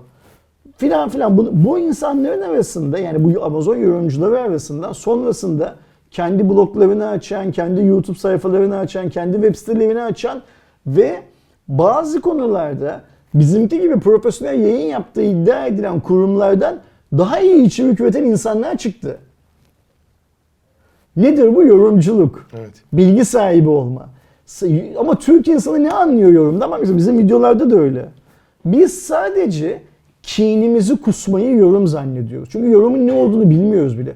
Yorum yapmak için bilgi sahibi olmak gerekir. Evet. Bak mesela dün bir tane video çektik. 4000 liranın altında alınabilecek video şeyler. Adamın teki geliyor ki bunları alacağım diyor. 1000 lira daha üstüne koyuyor iPhone alırım diyor. Limit 4000. Üzerine koy 1000 lira daha 5000. 5000 liraya hangi iPhone alıyorsun? Benim bildiğim kadarıyla iPhone 13 Pro'nun e, ekranı zaten 2000 lira ne sadece. E yine Yani- 6S falan oluyor herhalde. Cahillik çok zor bir şey tabii ki. Ca- cahilliğe katlanmak zorundayız. Niye katlanmak zorundayız? Eğitim sistemimiz ve anne babalar cahil üretiyorlar Türkiye'de. Hop bir cahil hemen evde yapıyorlar, 9 ay sonra salıyorlar sokağa. Yapmak kolay çünkü üretim şeyi çok kolay. Prosesi çok kolay. Cahilliğe karşı da müdahale, mücadele etmemiz lazım. Senin ağzından çıkan her şey, o küçücük beyninle düşündüğün her şey yorum değil. Yorum çok değerli bir şey. Evet. Yorum sadece kötü olacak bir şey değil. Bir de mesela şöyle bir şey. Siz eleştiri kabul etmiyorsunuz. Yapıyorlar ya. Ulan eşya ulaşık sen eleştirmiyorsun ki hakaret ediyorsun. Sonra ben sana eşya ulaşık deyince kızıyorsun. O yüzden e, bakanlığın bu konuda yaptığı çalışmaların tamamı o her konuda kendisini bilgi sahibi, yetkin his- hissedenler, çocuklar var ya, veletler var ya onların sahip çıkması durumunda işe yarayabilecek olan bir şey. Trafikteki sorunlardan şikayetçisin ama gidip Fahri Trafik e, şeyi e, denetçisi belgesi almıyorsun valilikten ve trafik kurallarını çiğneyenleri şikayet etmiyorsun. O senin sorunun abi. Oturduğun sokakta insanlar arabalarını yanlış park ediyor. Ne komşunu uyarıyorsun, atıyorum, ne yerel yönetimi uyarıyorsun, ne şeyi uyarıyor, hiçbir şey yapmıyorsun ama akşam eve geliyorsun, hatunun başının etini yiyorsun. Bu sokakta herkes arabasını şey, yanlış park ediyor bilmem ne falan. O senin sorunun. Eyleme geçmeniz lazım. Yayının başında ne dedik? Örgütlü. Örgütlü. Heh. Sen eğer e, örgütlenmeden bile bu eylemleri yaparsan örgütlü olarak bu işi yapan insanlarla aynı çizgiye geliyorsun zaten. O yüzden doğru. çok önemli. Sen devam etsene şu şey diğer madde nedir bu şeyin e, yorumdan başka? E, yorumdan başka bir de işte dediğim gibi sonuncusu da biraz önce bahsettiğim şekilde şeydi 72 Okey. saat boyunca şey olması. Bunları 3 hafta ya da 4 hafta önce ben zaten şeyde Twitter'da paylaşmıştım hatırlıyorsan tamamını. Ee, işte çok şey e, garantili bir yerden öğrendiğim kadarıyla diye paylaşmışım. Biz bunun üzerine bir video çektik mi kanalda? Yok galiba ilgili. çekmedik. Çekmedik okey. Bence Aydoğan e, bu 1 Ni- Mart'ta yürürlüğe girecek olan tasarının tam metnini bulalım ve o tam metniyle ilgili ayrı bir video Evet, çekelim. Madde madde anlatalım Yani insanlara. madde ne söylüyor, bu sana ne yapma hakkı tanıyor. Madde ne söylüyor, bu sana ne yapma hakkı tanıyor diye bir tane Tabii video ki. çekelim. Cuma raporunda iki arada bir devede kaynamasın. Eğer kendi hakkını savunmak, piyasanın regüle edilmesi konusunda devlete, kamu otoritesine şey yapmak, e, yardımcı olmak ve kimsenin e, kurduğu para tuzaklarına kimsenin düşmesini istemeyecek olan herkesin bu konuyla ilgili bir şeyler bilmesini sağlayalım mutlaka. Bence. Hadi gel bir sonraki haberimize geçelim. Bir sonraki haberimiz ne? Renault Türkiye'de fabrikadan çıkışlı ikinci el araba satıyor. Yani ihtimal söyleniyor daha. Ha, Şu anda söylenti Okey. bazında. Fabrikadan nasıl ikinci el araba çıkıyor? Şöyle e, aslında akıllı telefonlardaki bu sene işte yürürlüğe girip artık daha fazla gördüğümüz refurbished mantığının Renault'da zaten kullanılan farklı ülkelerde kullanılan refactory isimli bir kısmı var. Bu da nedir? Aslında yine refurbished neydi telefonlarda? Sen telefonu ikinci el olarak merkeze götürüyordun. Eksik, hasarlı artık eski performansında olmayan parçalar yenilenerek Tekrar tekrar, garantili olarak. Evet. Aynı şekilde bunun otomobil versiyonu da Türkiye'deki Bursa fabrikasında olacağı söyleniyor. Yani aslında ikinci el otomobil piyasada direkt satılmak yerine fabrikaya verilecek. Fabrikada işte çıtır hasarlı bir şey bir bütün kontrolleri yapılıp eksik ya da değiştirilmesi gereken parçalar fabrikadan çıkışlı sıfır ürünle değiştirilip daha ucuz bir fiyatla satılacak. Yani bu aslında şu anda Türkiye'de distribütör bazında yapılıyor. Nasıl yapılıyor? Mesela sen gidiyorsun diyelim ki e, 2018 model bir tane BMW 3 kullanıyorsun. BMW'ni Borusan'a ya da Mengerlere veriyorsun. Ben bunun yerine mesela ne alacaksın? X5 alacağım atıyorum. Ya da BMW 5 alacağım diyorsun. Onlar senden aldıkları cihazı, cihazı diyorum otomobili. Önce bir ekspertiz yapıyorlar. Bunun neresinde ne var, bize ne değişecek bilmem ne. Sana bir fiyat öneriyorlar. Kabul ediyorsan sana X5'ini ya da BMW 5'ini veriyorlar.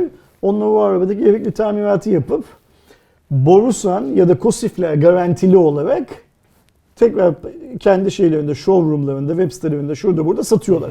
Alıcı neyi biliyor burada? Ben bu otomobili aldığım zaman bu otomobildeki yedek parçaların tamamının son bakımında işte gerçekten BMW'nin orijinal ürünlerinin kullanıldığını biliyor ve o parçalarda 2 yılda garanti olduğunu biliyor ve daha güvenli oluyor. Şimdi Renault'da da sanırım şöyle olacak herhalde anladığımız kadarıyla. Sen bugün gittin Clio'nu bir Renault e, şeyine verdin, e, şu satış noktasına verdin. Onun yerine Megane aldın. Senin o Clio'yu Renault değiştirecek. Yani bakımını Renault yapacak. E, ve Renault Türkiye'nin garantisiyle o Clio tekrar ikinci elde satılacak. Güzel bir şey. Evet. Güzel bir şey. Ha, arkadaşlarımızın bazıları diyecek ki ama bu yöntemlerin tamamı cep telefonunda olan da BMW'de, Mercedes'te, Audi'de, Renault'da falan olan da fiyatları hep yukarıya doğru baskılıyor diyecekler. Haksızlar mı? Doğru. Haklılar. Şimdi fiyatlar niye yukarıya doğru baskılanıyor onu anlamak lazım. Senin eee, hız yapılmaması gereken yolda 200 ile giderken önüne bir şey çıktığında bastığın freni adam orijinal fren balatasıyla değiştiriyor. Onu sana bırakırsa eğer ya da köşedeki otogaleriye çakallara bırak. Neydi sizin? Çakal çökerten miydi? Evet. Heh, çakallara bırakırsa ya da oradaki onlar o e, balatayı başka eski bir arabadan çıkarttıkları balatayla değiştiriyorlar. O yüzden o daha ucuz oluyor. Ve o yüzden sen arabayı aldığın zaman hız yapmaman gereken yolda 200'de giderken frene bastığında duramıyorsun ve ölüyorsun. Evet. Ya da cep telefonuna gelelim. Cep telefonunda başka bir kullanılmış cep telefonunun içindeki parçaları, bozuk telefonun içindeki sağlam parçalardan adam mesela diyelim ki senin e, sesli hoparlörde sorunun var. Herif oraya yani köşedeki telefoncu, tamirci oraya sıfır hoparlör takacağına mesela bu hoparlörün diyelim ki kullanım ömrü ne olsun 5 yıl. Zaten 3 yıl kullanılmış başka bir bozuk telefon. Niye bozuk? Pili bozulmuş olan telefondaki hoparlörü çıkartıyor takıyor. O zaman sana daha ucuza şey yapıyor. Yani Renault'da işte fiyatları yükseltecek. Bu arada kameramızda küçük bir sorun oldu. O yüzden yayın ara verdik.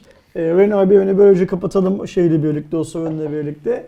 Ee, benim yine çok okumaktan mutlu olduğum bir başka habere geçelim. Niye mutlu olduğumu sen haberi söyledikten sonra anlatayım. Tamamdır. Realme kanadına geçtiğimizde Realme 9 ailesindeki Pro Plus modeli Sony'nin IMX766 OIS e, kamerasıyla segmentinin ilk e, orta seviyede böyle bir e, lensin kullanıldığı telefon olacak. Kamera sistemi Sony IMX766 OIS olarak geçen e, bu marka 7 Şubat sitesinde zaten 24 saatlik çevrim içi Kamera Lab deneyimi e, adıyla bu kameranın deneyimlerini bizlere sunacak. ve- Evet. verecekler 3 gün, yani. üç gün Üç- mola, üç evet gün 3 gün sonra. sonra Aha. oluyor.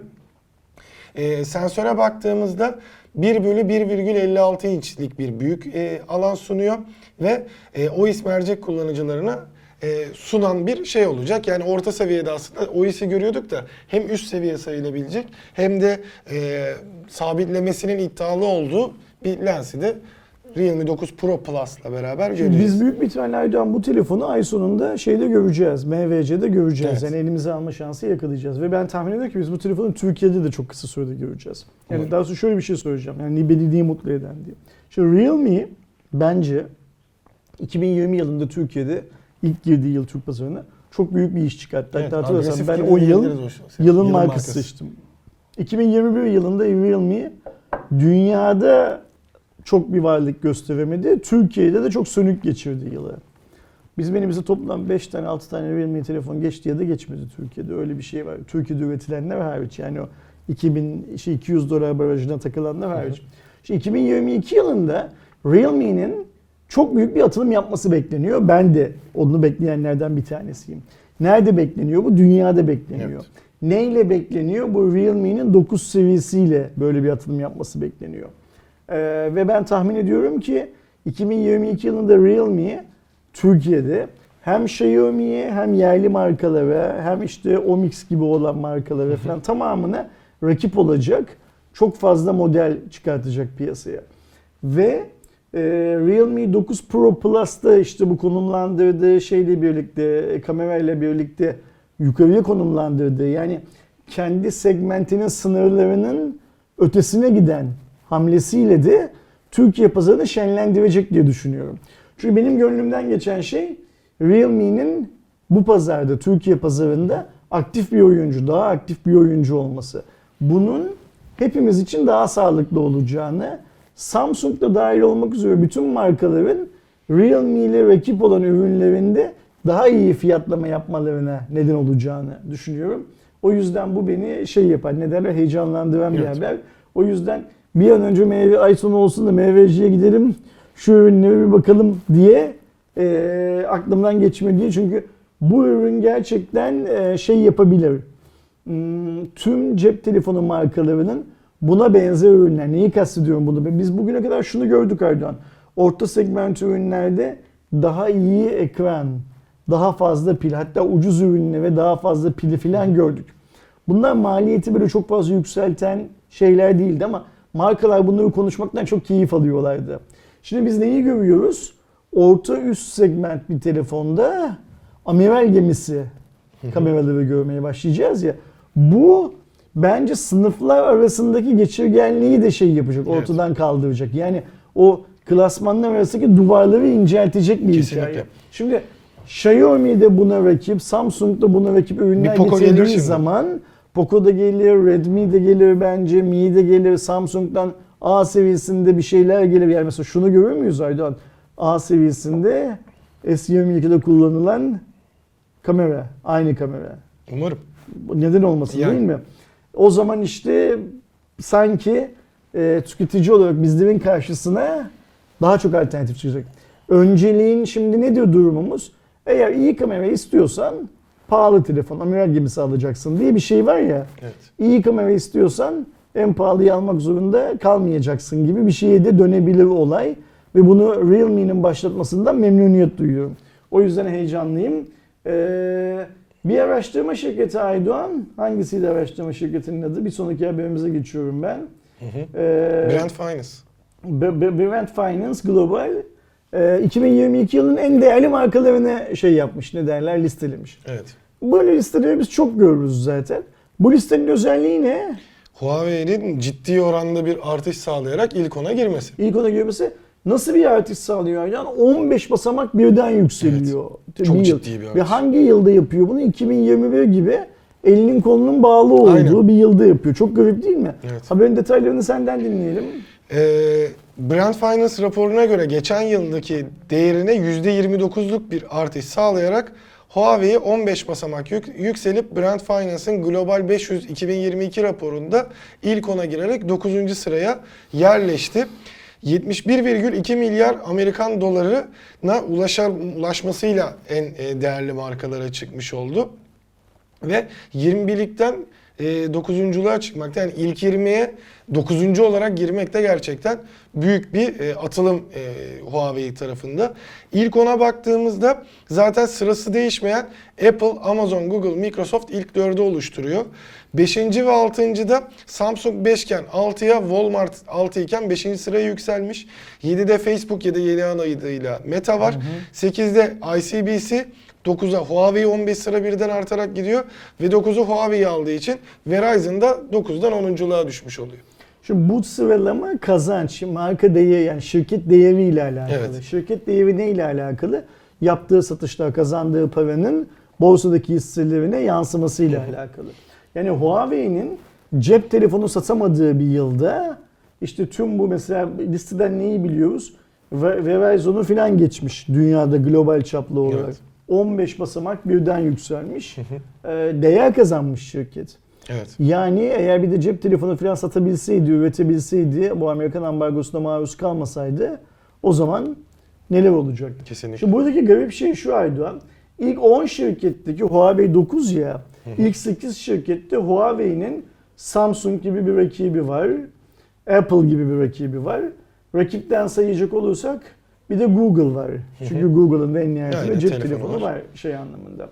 Ee, ve telefonu olmayan Huawei kulaklıkla, laptopla, tabletle filan filan listeye girmeyi başarmış. Büyük başarı. Evet zaten Çok şöyle çok bakıyorum. başarı. Ee, geçtiği markalara baktığımızda 21. idi geçen sene. Disney'i, T-Mobile'ı, TikTok'u, Mercedes'i ya da, da o büyük ihtimalle Daimler gruptur ya da yeni adıyla Mercedes-Benz Grup. Toyota'yı, WeChat'i de geçmeyi başarmış. Bir iki Çinli banka da var. Süper. Huawei için güzel bir Evet. şey bu. Biz tez zamanda Huawei'nin tekrar iddialı cep telefonlarıyla kendi işlemcisiyle pazarda olmasını bekliyoruz değil mi? Evet. Arzuluyoruz, istiyoruz. Harmonisiyle. Harmonisi. Ben artık harmoni ile ilgili çok fazla konuşmak istemiyorum. Yani ben Evet. harmoni konusunda e, biraz kandırıldığımı düşünüyorum. Bilmiyorum benim gibi düşünen başka arkadaşlar var mı? Bu e, sizin Viyana'ya gittiğiniz lansman sonrasında kendimi kandırılmış olarak Evet. düşünüyorum. Ya şu anda da zaten e, piyasaya giren ya da girecek telefonlarda da yani şeyde görmüştüm işte yurt dışında P50'nin kutu açılışları başladı. Ha diyordum hadi Nova 9'da belki yetişmedi P50'ye saklıyorlar. Yok P50 de e, Avrupa'da e, EMUI 12 ile geliyor. Şu an beklentiler Mate 50'yi tanıtırken artık globalde de şey olması yönünde ama hani benim o konuda da beklentim Yani orada kalmadı. şöyle bir hikaye var. Yapacağız, yapıyoruz, yaptık hikayelerinin hiçbirisinin biz sonucunu görmedik. Şimdi biliyoruz ki P50 ve P50 Pocket değil mi? P50 Pro ile Pocket. F- P50 Pro ile Pocket da Türkiye'de satılacaklar. Evet. Herhalde bir, bir ay, bir buçuk ay içinde falan satılmaya başladı. Böyle tahmin ediyoruz. Onlar da yine harmonili olmayacak. Yani Türk'ün harmoni merakı bir başka bahara Evet, birazcık olacak. uğraşarak geçebiliyorsunuz kendiniz. Hani Çin'e, Hong Kong'a Aynen çevirmek öyle. telefon. Ama buna rağmen Huawei'nin bu listeye 9. sıradan girmesi, 15 basamak birden yükselmesi filan Huawei adına çok pozitif.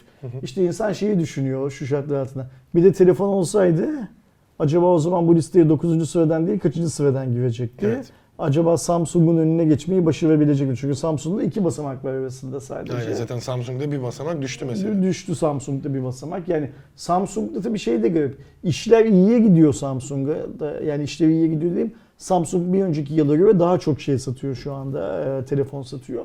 Buna rağmen adetsel olarak daha çok satıyor. Buna rağmen nasıl Samsung bir basamak aşağıya düşüyor? O da çok garip. Ama Walmart e, belki daha fazla değer kazanarak şey Aa, olmuştur ya da belki öyle içinde. bir hikaye olmuştur. Ama e, Huawei açısından bu güzel bir başarı. Kesinlikle. Gelelim Starlink kısmına. E, biliyorsunuz işte Türkiye'de ne olacak ne bitecek diye beklediğimiz e, Elon Musk'ın e, sahibi olduğu uzay firması SpaceX'in tüm dünyaya uydular üzerinden internet sağlama e, projesi olan Starlink'in daha tam manasıyla global çapta geçmeden bir de premium hizmeti çıkıyor. Ben bunu yani hiç şaşırmadım bu arada ortaya çıktığını gördüğümde. Premium hizmeti daha e, gelişmiş e, antenler satarak sizlere aslında hızı çok daha yüksek olarak vermesi. Normal şartlarda Starlink'te 50 ile 250 megabit arası bir bağlantı size e, tahmini olarak söylenirken premium pakette bu yenilenmiş e, uydu sistemiyle falan filan beraber çanak antenle 500 megabit'e kadar varan bir hız e, bekleniyor. 10 ile 20 arası beklenen upload'da 20-40 e, arasına çıkıp e, ping süresi de 20 ila 40 milisaniyeye düşüyor olarak Normal, planlanmış. normal fiyat 99 dolarken Bu bunu almak 500 dolar. istersen 500 dolar veriyorsun. Ürün çeşitleniyor ama şöyle bir şey var. Biz Türkiye'de Starlink'i bile ne gördük ki premiumundan bahsedelim. Benim burada esas merak ettiğim şey şu Aydoğan. Günümüzdeki uydu teknolojisi e, Starlink'in buna benzer kaç paketler çıkarmasına izin veriyor acaba? Yani mesela atıyorum bu 500 dolar fiyatla satılacak olan yeni premium paketinden daha hızlı bir teknolojiyi de daha hızlı bir aboneliği de dünyanın farklı noktalarındaki insanlara sunabilecek bir teknolojiyi destekliyor mu mesela? Bunu merak ediyorum. Çünkü buradaki fark ne? Sana o verdiği alıcı modem diyelim sistemin daha iyisini veriyor. Yani sen uyduya daha konforlu, daha yüksek bir teknolojiyle bağlanıyorsun ve daha yüksek hız alıyorsun. Evet. Wi-Fi 6 ile bağlanıyorsun gibi bir Onun şey da görüyorum. daha üstü var mı acaba? Yani Premium Plus diye de bir paket mesela çıkacak mı? Uydu teknolojilerinin çünkü neyi desteklediğini bilmiyoruz şey anlamında. Ee, Türkiye içinse bana soracak olursan 99 dolar da Çok yüksek bir para değil. Yani yani üzerinde konuşabileceğimiz bir para değil o anlamda. 500 dolar arası hiç konuşmayalım zaten. Ee, çünkü canımız sıkılacak boşu boşuna. Yani şey de 500 dolarmış bu arada. Ee, uyduyu so- satın alma, satın alma ücreti de de 500 yani orada arkadaşlarımız şeye dikkat etsinler yani Starlink konuşurken de Starlink'in abonelikten başka bir de şeyi var e, almanız başta gereken Uydu seti var. mo- yani. modülü var. O Evet, yüzden Superbox'la falan bağlanamıyoruz. fiyatları konuşup canımızı sıkmayalım. Bir sonraki haberimiz olan Sony'nin Neydi o haberimiz? e, Bungie stüdyosunu ya da Bungie stüdyosunu satın alması. Biliyorsunuz geçtiğimiz hafta bunun tam tersini konuşmuştuk. Xbox e, büyük bir atılım yaparak neredeyse 70 milyar dolara çok ciddi bir rakam gerçekten söylemesi kolay olsa da e, Activision Blizzard'ı satın almıştı. E, Sony de bu süreçte bir anda sessizliğini e, bozarak Bungie'yi satın aldığını duyurdu. Bungie'nin e, önemli yanlarından biri aslında e, herkes tabii ki Destiny'den bahsediyor son dönemdeki popüler oyunlardan birinin stüdyosu ama aslında Xbox'la özdeşleşen Halo'yu da e, yapan ekip Bungie stüdyosuydu. Ama PlayStation baştaki sorulara cevap verebilecek önemli bir şey de cevap verdi e, duyurusunda. E, tamamıyla özgür bir şekilde devam edecek. Sadece bize bağlandı ama multiplatform olarak içeriklerini üretmeye devam edeceğini ve e, Sony yönetiminin oraya karışmayacağını e, duyurdu. Özgür bir şekilde kararlarını vermeye devam edeceklerini duyurdu. E, tabii ki bu güzel. Ne kadar uzun süre gider bunu bilmiyoruz.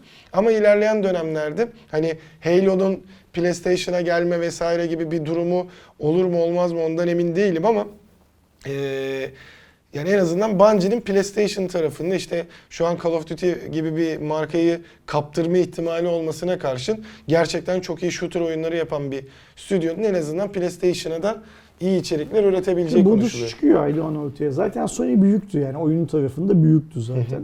Microsoft satın almasıyla Sony'ye yaklaşmaya çalışıyordu. E, Sony bir yandan pazarı o kadar kolay bırakmayacağının sinyalini veriyor. Bir yandan da hem Microsoft'un hem Sony'nin tabii ki Microsoft'un ödediği parayla Sony'nin Bungie'yi alırken ödediği 3,5 milyon şey milyar dolar arasında çok büyük fark var. Tabii. Birisi 70 öbürü 3,5 milyar dolar. Ama ne olursa olsun büyük sermayenin oyun tarafına yatırım yapıyor olması demek ki oyun işi daha da büyüyecek. Böyle bir beklenti var. Bunu da bize gösteriyor. Ee, ben şeye şaşırdım. Ee, hani o satın aldıkları gün, satın almayı duyurdukları gün yaptıkları şirket çalışmalarına devam edecek filan açıklamasına şaşırdım. Ama düşününce ortaya şu çıkıyor. Sony bu sayede Xbox oynayanlardan da para kazanmaya başlayacak aslında. Evet amacı birazcık Yani ona. bir nevi e, kendi ekosisteminden kazandığı paranın üstüne Microsoft'un platformu üzerinden de e, kazanılacak parayı eklemek.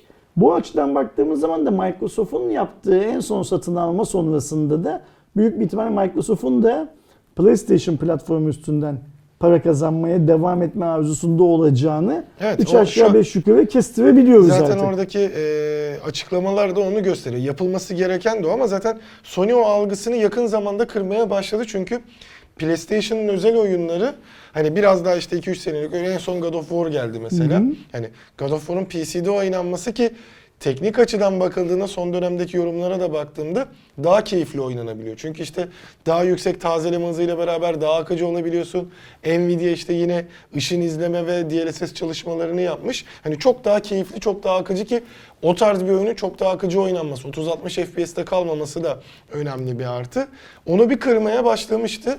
Belki ilerleyen dönemlerde eee, senin dediğine çıkabilecek durum artıyor. Bilmeyenler için ileride aslında bir konsolun olmayacağı, bunların sadece servis olarak olacağını e, söylüyor Dersin abi.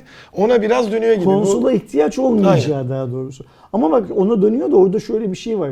Microsoft da Sony'de halen konsol satışlarından e, iyi gelirler Evet. bekliyorlar. Yani bence Sony'de Microsoft da fiziksel olarak konsoludan vazgeçecek durumda değiller. Yani benim beklentim bu konsolların hayatımızdan çıkacağı yönünde ama e, bunlar bu kadar parayı sadece oyunu servis olarak sunarak kazanmayı için şey yapmıyorlardı, bağlamıyorlardı. Evet. Ya sadece hani Microsoft orada bir atılım yapmış oldu. Çünkü şu an hani Xbox'a özel bir oyun yok. Yani şöyle e, PlayStation'a gelmeyen oyunları var ama Xbox'a çıkan bütün oyunlara bilgisayardan erişebiliyorsun. Öyle diyorsun, öyle bir hikaye evet.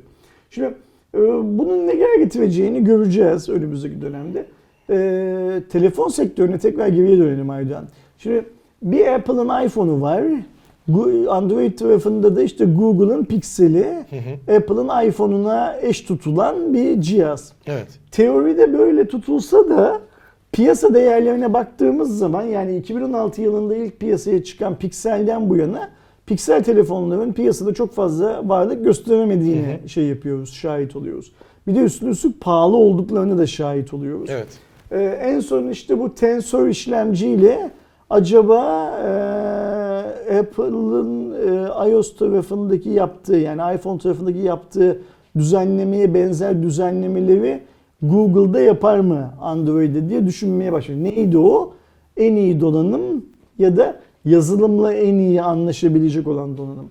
Ama Tensor'un ilk test sonuçlarını aldığımızda aslında pek de böyle beklendiği kadar daha doğrusu hayal kurulduğu kadar matah olmadığını da gördük.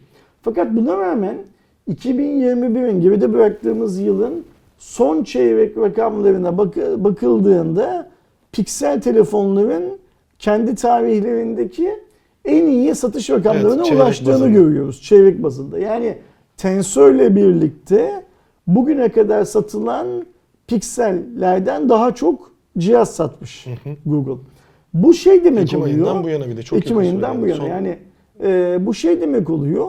Android kullanıcısının bazı yeniliklere duyarsız kalmadığını gösteriyor. Bu bence Aydoğan. Evet. İkincisi Android kullanıcısının bir beklentisi olduğunu da gösteriyor. Yani Android marka Google mu olur, Samsung mu olur, Huawei mi olur, Casper mı olur, Reader mi olur, General Mobile mi olur fark etmeksizin herhangi bir markanın çıkıp bu ekosistemdeki stabilizasyon sorunlarından güncelleme sorunlarına kadar her şeyi yıkmasını, bu sorunların tamamını yerle bir etmesini bekliyor anlamına geliyor.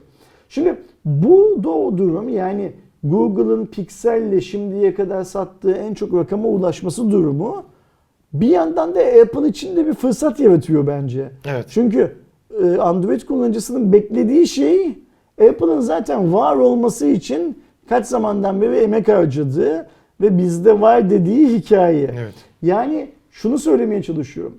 Pixel'in son çeyrekte son çok satması tüm Android markaları için hem bir fırsat olabilir hem de muazzam bir tehlike olabilir.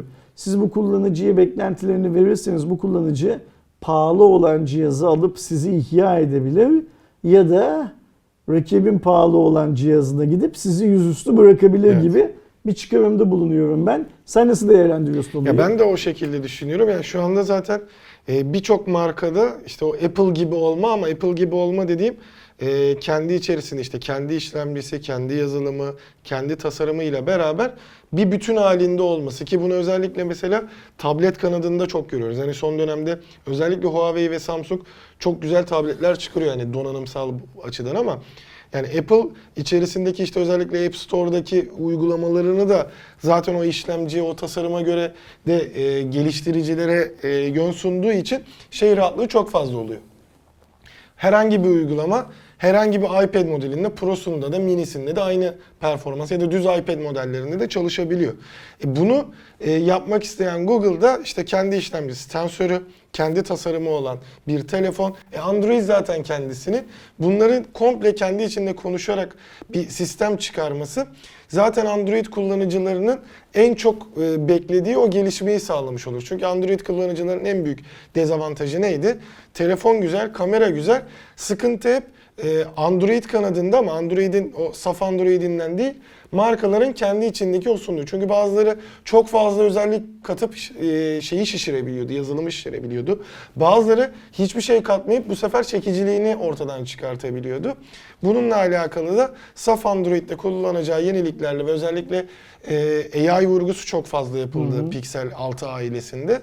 E, yapay zeka vurgusuyla beraber böyle bir geliştirmeye çalışıyor. E, bunu zaten Samsung'un da yapmaya çalıştığını biliyoruz. Yani Exynos'u artık AMD ile beraber bir ortak hale getiriyor. Sadece elinde Android var. E, Tizen'ı biraz geride bıraktı ama yani tekrar başlatabileceği bir proje. Huawei zorunda olarak buna geçiyor ama orada şu an Kirin'le alakalı sıkıntı yaşıyor ve Harmony'yi globale çıkarmadı. İlerleyen dönemlerde bu senaryo bayağı şey olabilir, artabilir. Buradaki tabii ki şu Erdoğan. Benim kol saatim de var, benim tabletim de var. Ben artık ekosistem oldum hikayesini e, Android kullanıcısı yemiyor. Evet. Yani her ortaya kol saati, kulaklık, tablet atanın ben ben bir ekosistem oldum muhabbetine kullanıcının karnı tok. Kullanıcı ne istiyor? Daha senkronize, daha kolay kullanılan ve kullanım şeklini kolaylaştıran uygulamalar bekliyor ve cihazların da daha uzun ömürlü olmasını bekliyor bence Evet. bir yandan. Ben eee iki şey için seviniyorum. Birincisi piksel satışlarının artmasından seviniyorum. Bu Google'a tensör işlemciye daha çok yatırım yapma şeyi kazandırır, şevki kazandırabilir. Evet. İkincisi de e, insanların pahalı olduklarını bile bile e, böyle bir telefon alarak eko, şey sistemi olan, ekosistemi değil platformu olan, Android platformuna olan şeylerini, güvenlerini göstermiş olmalarına seviniyorum. Bakalım göreceğiz ne olacak. Mesela bir sonraki gelecek olan 7 seviyesi nasıl bir satış rakamına ulaşacak? 6'lıyı geçebilecek mi? Ve daha Tensörde ne gelişmeler olacak? Heh, Şimdi Biz- ilkinde gördüler. biz tensörde neler olacağını göreceğiz ve e, tensörde kullanılan bazı çiplerin diğer markalar tarafından kullanılıp kullanılmaya başlay- başlamayacağını da göreceğiz. O yüzden heyecan verici bir şey. Cep telefonuna görmüşken cep telefonuyla devam edelim. Devam edelim abi. Avrupa'da akıllı telefon pazarının verileri yine paylaşıldı. Ee, Counterpoint'in aylık daha doğrusu böyle çeyreksel olarak paylaştığı şeylere baktığımızda e, lider Samsung, ikinci sırada Apple, üçüncü sırada Xiaomi, dördüncü sırada Oppo, Realme, Vivo olarak geçiyor. Bildiğin hani dördüncü sıra aslında BBK demek daha doğru olur. Oppo, Realme, Vivo olarak üçü de girmiş. Baktığımızda Samsung 2020'nin e, dördüncü çeyreğinde %29 paya sahipken 2021 dördüncü çeyreğe baktığımızda %33'e çıkıp e, yıldan yıla büyümesini %11'e çıkarmış. Apple %30'dan %32'ye yıldan yıla büyümesi %8. Buradaki değerler genel toplamda e, şeye bakmadan bu arada e, sayıda e, hesaplamada yanlış olduğunu düşünmeyin. Xiaomi %17'den %15'e düşmüş ve yıldan yıla büyümesi de eksi %17 olmuş. Bu özellikle tedarik sorununun Avrupa'da da ciddi bir etkisini görüyoruz Xiaomi kanadındaki. Oppo %6'dan %7'ye ama yıllık büyümesi %19'a çıkmış. Realme %20, %1'den %2 iken Avrupa'daki yıllık büyümesi %79 gibi çok ciddi bir oranda. Vivo %1'den %2'ye çıkarken büyümesi %176 gibi çok ciddi bir orana çıkıyor. Diğerleri dediğimiz yani geri kalan bütün telefonlarda %16'dan %9'a düşüyor ve %47'lik bir düşüş var. Ama e, Avrupa genelindeki bütün telefon satışlarına baktığımızda %1'likte bir düşüş görüyoruz. Şimdi arkadaşlar şeyi soracaklar. Realme nasıl %1'den %2'ye çünkü sen bu grafiği paylaşacaksın. %1'den %2'ye çıkmış nasıl %79 yükselmiş, %100 yükselmiş olması gerekmez mi? Ya da Vivo %1'den %2'ye çıkmışken %76 nasıl %176 oluyor falan. Bu rakamlar yuvarlatılmış rakamlar arkadaşlar. Yani küsuratları var. Yani biri Yok. zaten şeyi e, market paylaşımı direkt bir diğeri de kendisinin büyümesi. Aynen öyle. O yüzden yani o yüzdelik rakamlar yıldan yıla olan büyüme gerçekten gerçekleşen rakamlar. Ee, orada şeye bakmak yerine ne derler bu yüzdelik küsuratlara bilmem nelere falan bakmak yerine böyle göstermişler. Bu listedeki tabii ki en şa- şaşılan şey Xiaomi'nin pazar kaybetmesi tedarik sorunu yüzünden. Xiaomi'nin kaybettiği pazara da şeyin çok iyi, e, Samsung'un çok iyi domine edip yani Android tarafını çok iyi domine edip Apple'dan birinciliği alması. Bu arada şey alması. de varmış abi onu da söyleyeyim şu an alttaki notta gördüm. Xiaomi'nin satışlarında Redmi ile Poco dahil, Oppo'nun satışlarında OnePlus dahil. OnePlus'ta. Zaten şöyle bir şey var Aydoğan. Şimdi sen hani dördüncü, beşinci, altıncı tamamen aynı grup dedin de onların toplam satışlarını bir araya getirsek de sıralamada çok büyük değişiklikler olmuyor zaten. Evet. O da önemli. Burada önemli olan şey bence e, Samsung'un e, kriz dönemini iyi fırsatı çevirmiş olması. Ve buna rağmen de bir önceki haberde konuştuk ya dünyanın en değerli şirketleri sıralamasında pozisyon kaybetmesi. Buna rağmen satışlarını arttırmasına rağmen değerinin düşmesi çok garip. Herhalde duyarız niçin olduğunu. Şu son habere geliyoruz. Benim en sevdiğim şirket olan ve en sevdiğim yönetici olan Facebook şirketi ve Mark Zuckerberg ile ilgili her zamanki gibi bir haberimiz var. Bayılıyorum bu marka biliyorsunuz. Ee, ama şey yapmadan önce ben bir yandan da Kaan'la yazışıyorum. Bizim Kaan'la, Kaan Arlı ile. Ee, o bana diyor ki bir yandan da abi bu bizim için çok önemli bir haber diyor. Gördünüz mü basın bütün elinize ulaştı mı falan diye. Bizim sitede şu anda haber yok. Ee, arkadaşlara sözlü olarak söyleyelim.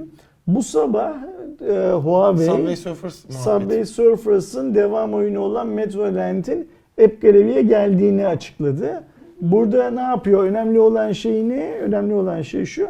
Bu Metroland henüz şeyde yok. Android'de Hiçbirinde yok. yok. Yani ilk çıkışını iOS'ta, iOS'ta App. Gallery'de yapıyor. Dünya lansmanını App Gallery ile yapıyor. Yani şey gibi düşünmek lazım. Sony'nin ilk önce PlayStation'a çıkarttığı, sonra PC'ye ya da verecekse Xbox'a verdiği bir oyun gibi şey yapın, düş- düşünün. Huawei için tabii ki önemli. Ee, Subway Surfers yani Metroland oyunu için de şöyle önemli tarafını belli ediyor. Yani Evet. şey anlamında belli ediyor. Şimdi Aydan şuna bakacak olursak evvel yani dünyadaki toplam cep telefonların platformlarına bakacak olursak e, Harmony ya da Huawei ya da App Gallery hala şey değil. E, Android'e ve iOS'a meydan okuyabilecek kadar çok kullanıcıya erişmiş değil. Evet. Bunu bile bile Metroland'in sadece oradan şey yapılması, çıkıyor olması. Tabii Aslında- ki üzerinde konuşulacak bir Ee, hikaye. Şöyle bir durumunu söyleyeyim benim açımdan. Bir çok güzel çünkü Subway Surfers hala şimdi e, yanlış olmasın diye kontrol ettiğimde Google Play Store'da da aynı şekilde iOS'te de baktığımda hep oyunlar kısmında en tepede olan oyunlardan biri. Çünkü basit, keyifli, benim de zamanında çok fazla oynadığım bir oyun. Metroland'in yani aynısının artık devam oyunu olan oyunun da e, App Gallery'de çıkması mükemmel bir avantaj. Yani App Gallery'nin o varlığını için mesela ben de şu dönemde işte Mobil Dünya Kongresi'ne giriş için bizim orada kayıt vesaire yapmamız gerekiyor ve e, alt tarafta da hemen şeyi çıkar. Yani dijitale de iyice çevirdiği için MVC işte digital badge olayı var mesela işte uygulamadan badge'imizi gösterme. Google Play, iOS ve App Gallery'yi e, hep gösteriyordu.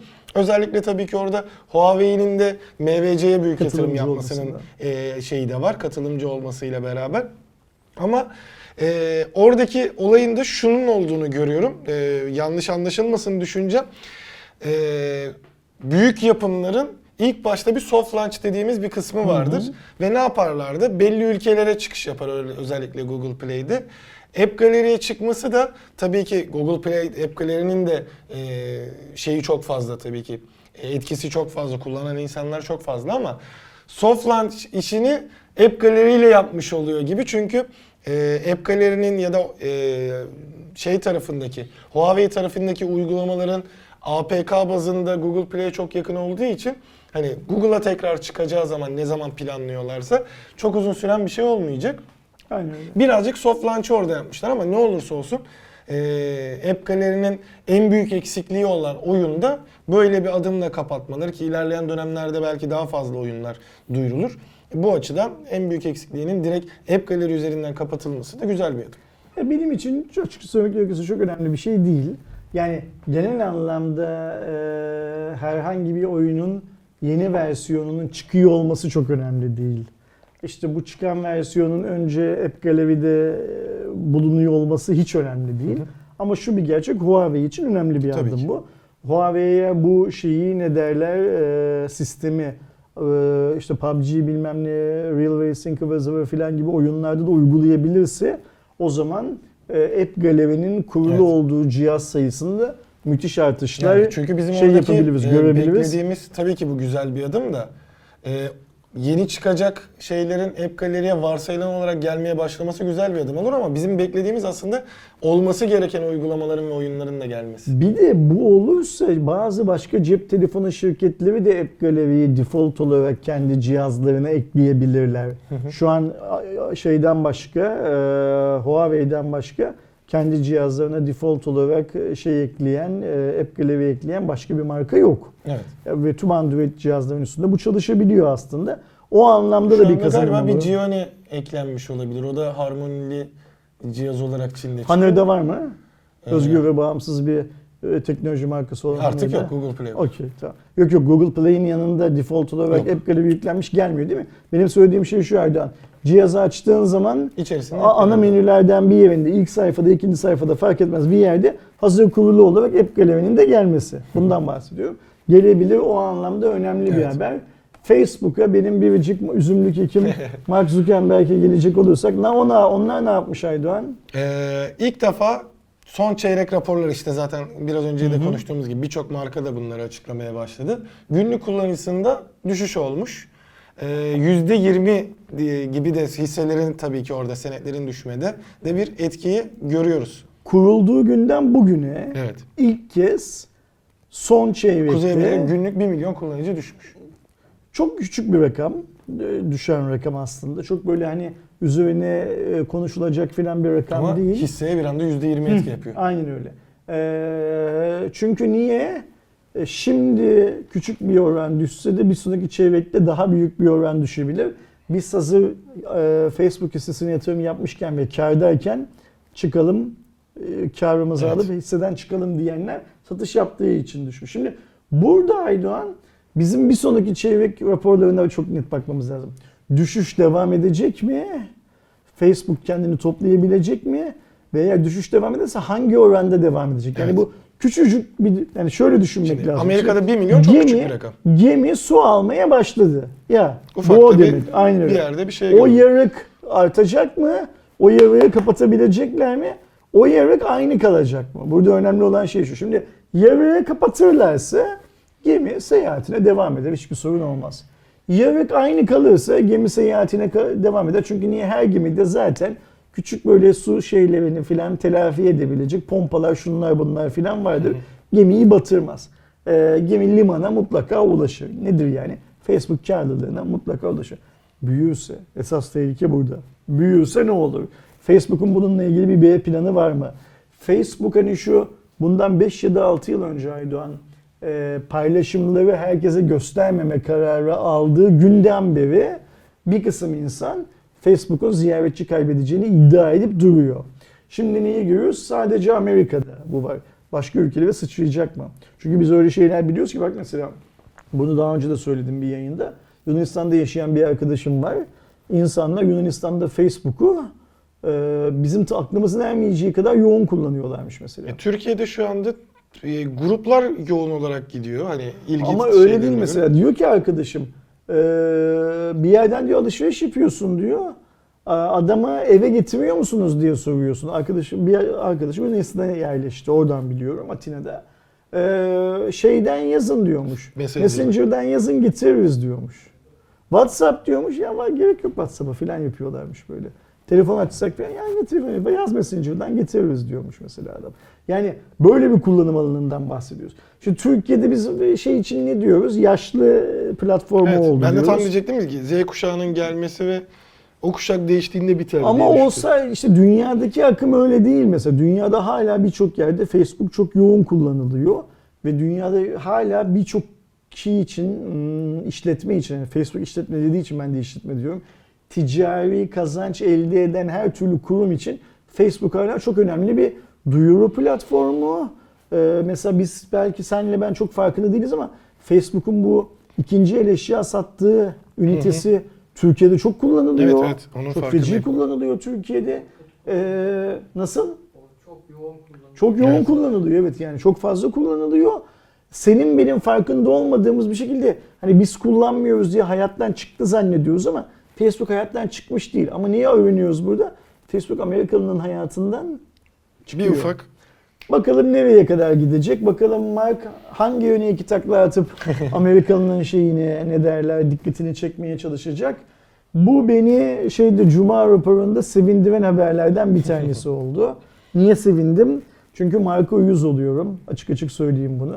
Birincisi olmayan yoktur herhalde. Aa, yoktur tabii ki. Birincisi şarlatan bir herif bence.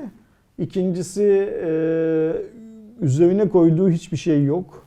Yani Bill Gates'in desteğiyle birlikte sektörün yeni Bill Gates'i formunda faaliyet gösteren bir adam.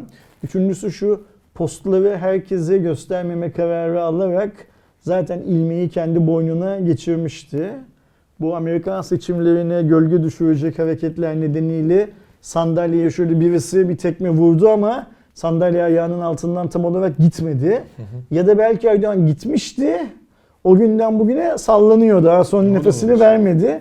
Bu, bu hikayeyle birlikte de pozisyonuna geldiğini belki düşünebiliriz. Görelim. Ben, benim çok uzun zamandan beri beklentim, bunu Cuma raporunda söyledim. Jack'in kendi isteğiyle yaptığı Twitter CEO'luğundan, yönetiminden ayrılma hikayesinin marka yönetim kurulu zoruyla tebliğ edilmesi ve markanın Facebook'tan uzaklaştırılması. Evet. Ancak marka Facebook'tan uzaklaştırırlarsa Facebook'un ahlaki değerlere daha çok önem veren bir şey olduğunu, ne derler şirket olduğunu şey yapabilirim, düşünebilirim ben. Çünkü oradaki çıbanın başı şirketi kuran ve yöneten adam gibi görünüyor. En azından benim baktığım pencerede. Ha Facebook'tan mark şutlanırsa daha çok Facebook kullanır mıyım? Geçti o tren. Artık bu saatten sonra bence ben ve benim gibi düşünen kimse daha çok Facebook kullanmaz. Sırf orada bulunmak için bulunmaya devam eder. Daha delikanlı olanlarımız çoktan sildiler gittiler zaten hesaplarını. Ee, o yüzden Allah Mark'ın yardımcısı olsun. Benim gibi dost daha çok edinmesin Mark. Yani hani böyle o ipin ucunda sallanır halde Mark'ı görmeyi bekleyen insanlar daha çok şey yapmasın, edinmesin ama bu zamana kadar zaten en az bir milyar tane benim gibi dost edinmiştir Mark. Mark o da ayrı mevzu. Mark'ın en büyük dostunun da Donald Trump olduğunu düşünüyorum. evet. Gerçek anlamda dostunun da Donald Trump olduğunu düşünüyorum. 192. Cuma raporunu yeni masamızın üzerinde sunduk Aydoğan. Kaan'a canlı bağladım. Kaan'ın isteğiyle bir tane de araya ekstra da İstek. Haber'de yerleştirdik. Bu diğer markalardaki dostlara da örnek olsun diyeceğim ama Kaan'ın tabii şöyle özel bir durumu var. Ben hiçbir zaman Kaan'a Huawei Kaan gözüyle bakmadığım için ne, hep ne diyorum? Kaan bizim Kaan. Yani Huawei Kaan olmadıktan daha çok bizim Kaan. Biz kimiz diye sorarsak bunu HVP olarak algılayın, teknoloji basını olarak algılayın. Canınız nasıl algılamak istiyorsanız öyle algılayın. Ee, o yüzden Kaan e, WhatsApp'tan bu haberi gördün mü diye yazdığı zaman işte ben Cuma raporunda senin listeye darbe yapıp bir tane daha haber ister istemez ekliyorum. İnşallah arkadaşlar kusurumuza bakmamışlardır. İzleyicilerimiz kusurumuza bakmamışlardır. Önümüzdeki hafta öncelikle bu masadan devam mı edelim? Ya da eski Bir bir, önceki söyleyin. forma mı dönelim? öyle. Bir önceki forma dönelim mi? İkincisi hvp.com.tr için tekrardan şey arıyoruz. Dış yazar arıyoruz. hvp.com.tr 2022 yılında e, hani biz 2020'de 2021'de YouTube kanalımıza çok fazla şey yaptık ya ne derler e, önem verdik ya. 2022'de hvp.com.tr tekrar önem vereceğimiz bir şeyimiz olacak. e, platformumuz olacak. Öyle görünüyor. Oradaki eksiklerimizi tamamlamamız lazım. Eksiyiz. Hangi anlamda eksiyiz? Güncel haber üretimi konusunda en büyük eksikliğimiz bu. Bugün yarın sitenin tasarımı da bir kez daha Evet. değişecek zaten. İşte bir SEO hizmeti alıyoruz. Takip eden arkadaşlar görüyorlardı haberlerde bilmem nelerde falan. Şeyden memnunuz, ivmeden memnunuz. İvmeyi yükseltmek istiyoruz. O yüzden de bize İngilizce bilen, teknoloji konusunda meraklı, zamanı olan adam lazım. Evet. Eğer böyle adam varsa ersinetvp.com.tr'den benimle lütfen şey yapsınlar, kontak kursunlar. İlk yapacakları iş hangi seviyede İngilizce bildiklerini anlayabilmem için bir CV göndermek olsun. Sonrasında zaten yazışıyoruz. Belli bir normda da anlaşıyoruz. Bir para veriyoruz ama şu anda bildiğim kadarıyla verdiğimiz para hali hazırda yazan arkadaşlarımızı da çok fazla memnun etmeyen bir para galiba. O parayı nasıl belirliyoruz? Sitenin kendi kümülatif kazancına göre belirliyoruz. Bugün yarın verdiğimiz parada da bir iyileştirme yapacağız. Artık gelen arkadaşlar ya iyileştirilmiş versiyonla gelirler ya eski versiyonla gelip iyileştirilmenin ne olduğunu kendileri de görürler. Bunun dışında zaten öyle detaylı anlatıyorum ki sadece ben varım yaparım diyecek adam gelsin. Boşu boşuna e-maillerle o nasıl oluyor bu nasıl oluyor filan filan diye şey yapmayalım ne derler uğraşmayalım diye anlatıyorum. Bunun dışında 193. Cuma raporunda önümüzdeki hafta ya böyle koltuğa yayılmış bir halde ya da yine burada böyle daha dik ve bana kalırsa daha böyle çivi gibi zımba Evet, gibi bir halde. Ben de açıdan şeyde sadece şu e, bir iki masanın şu an hafif sallanmasını falan da biz çözdük mü mis gibi olacak. Doğuş da şeyden memnun sanırım. İlk kez Aydoğan'la aramızdaki boy farkı kısaldığı için kadrajı şey Gayet ayakta. e, kadrajı ayarlamak konusunda daha az zaman harcıyordu. O da ondan memnun. Siz de memnunsanız bu formda bir süre bence devam edelim. Değişiklik olur en azından. E, 192. Cuma raporunu böylece bitirdik.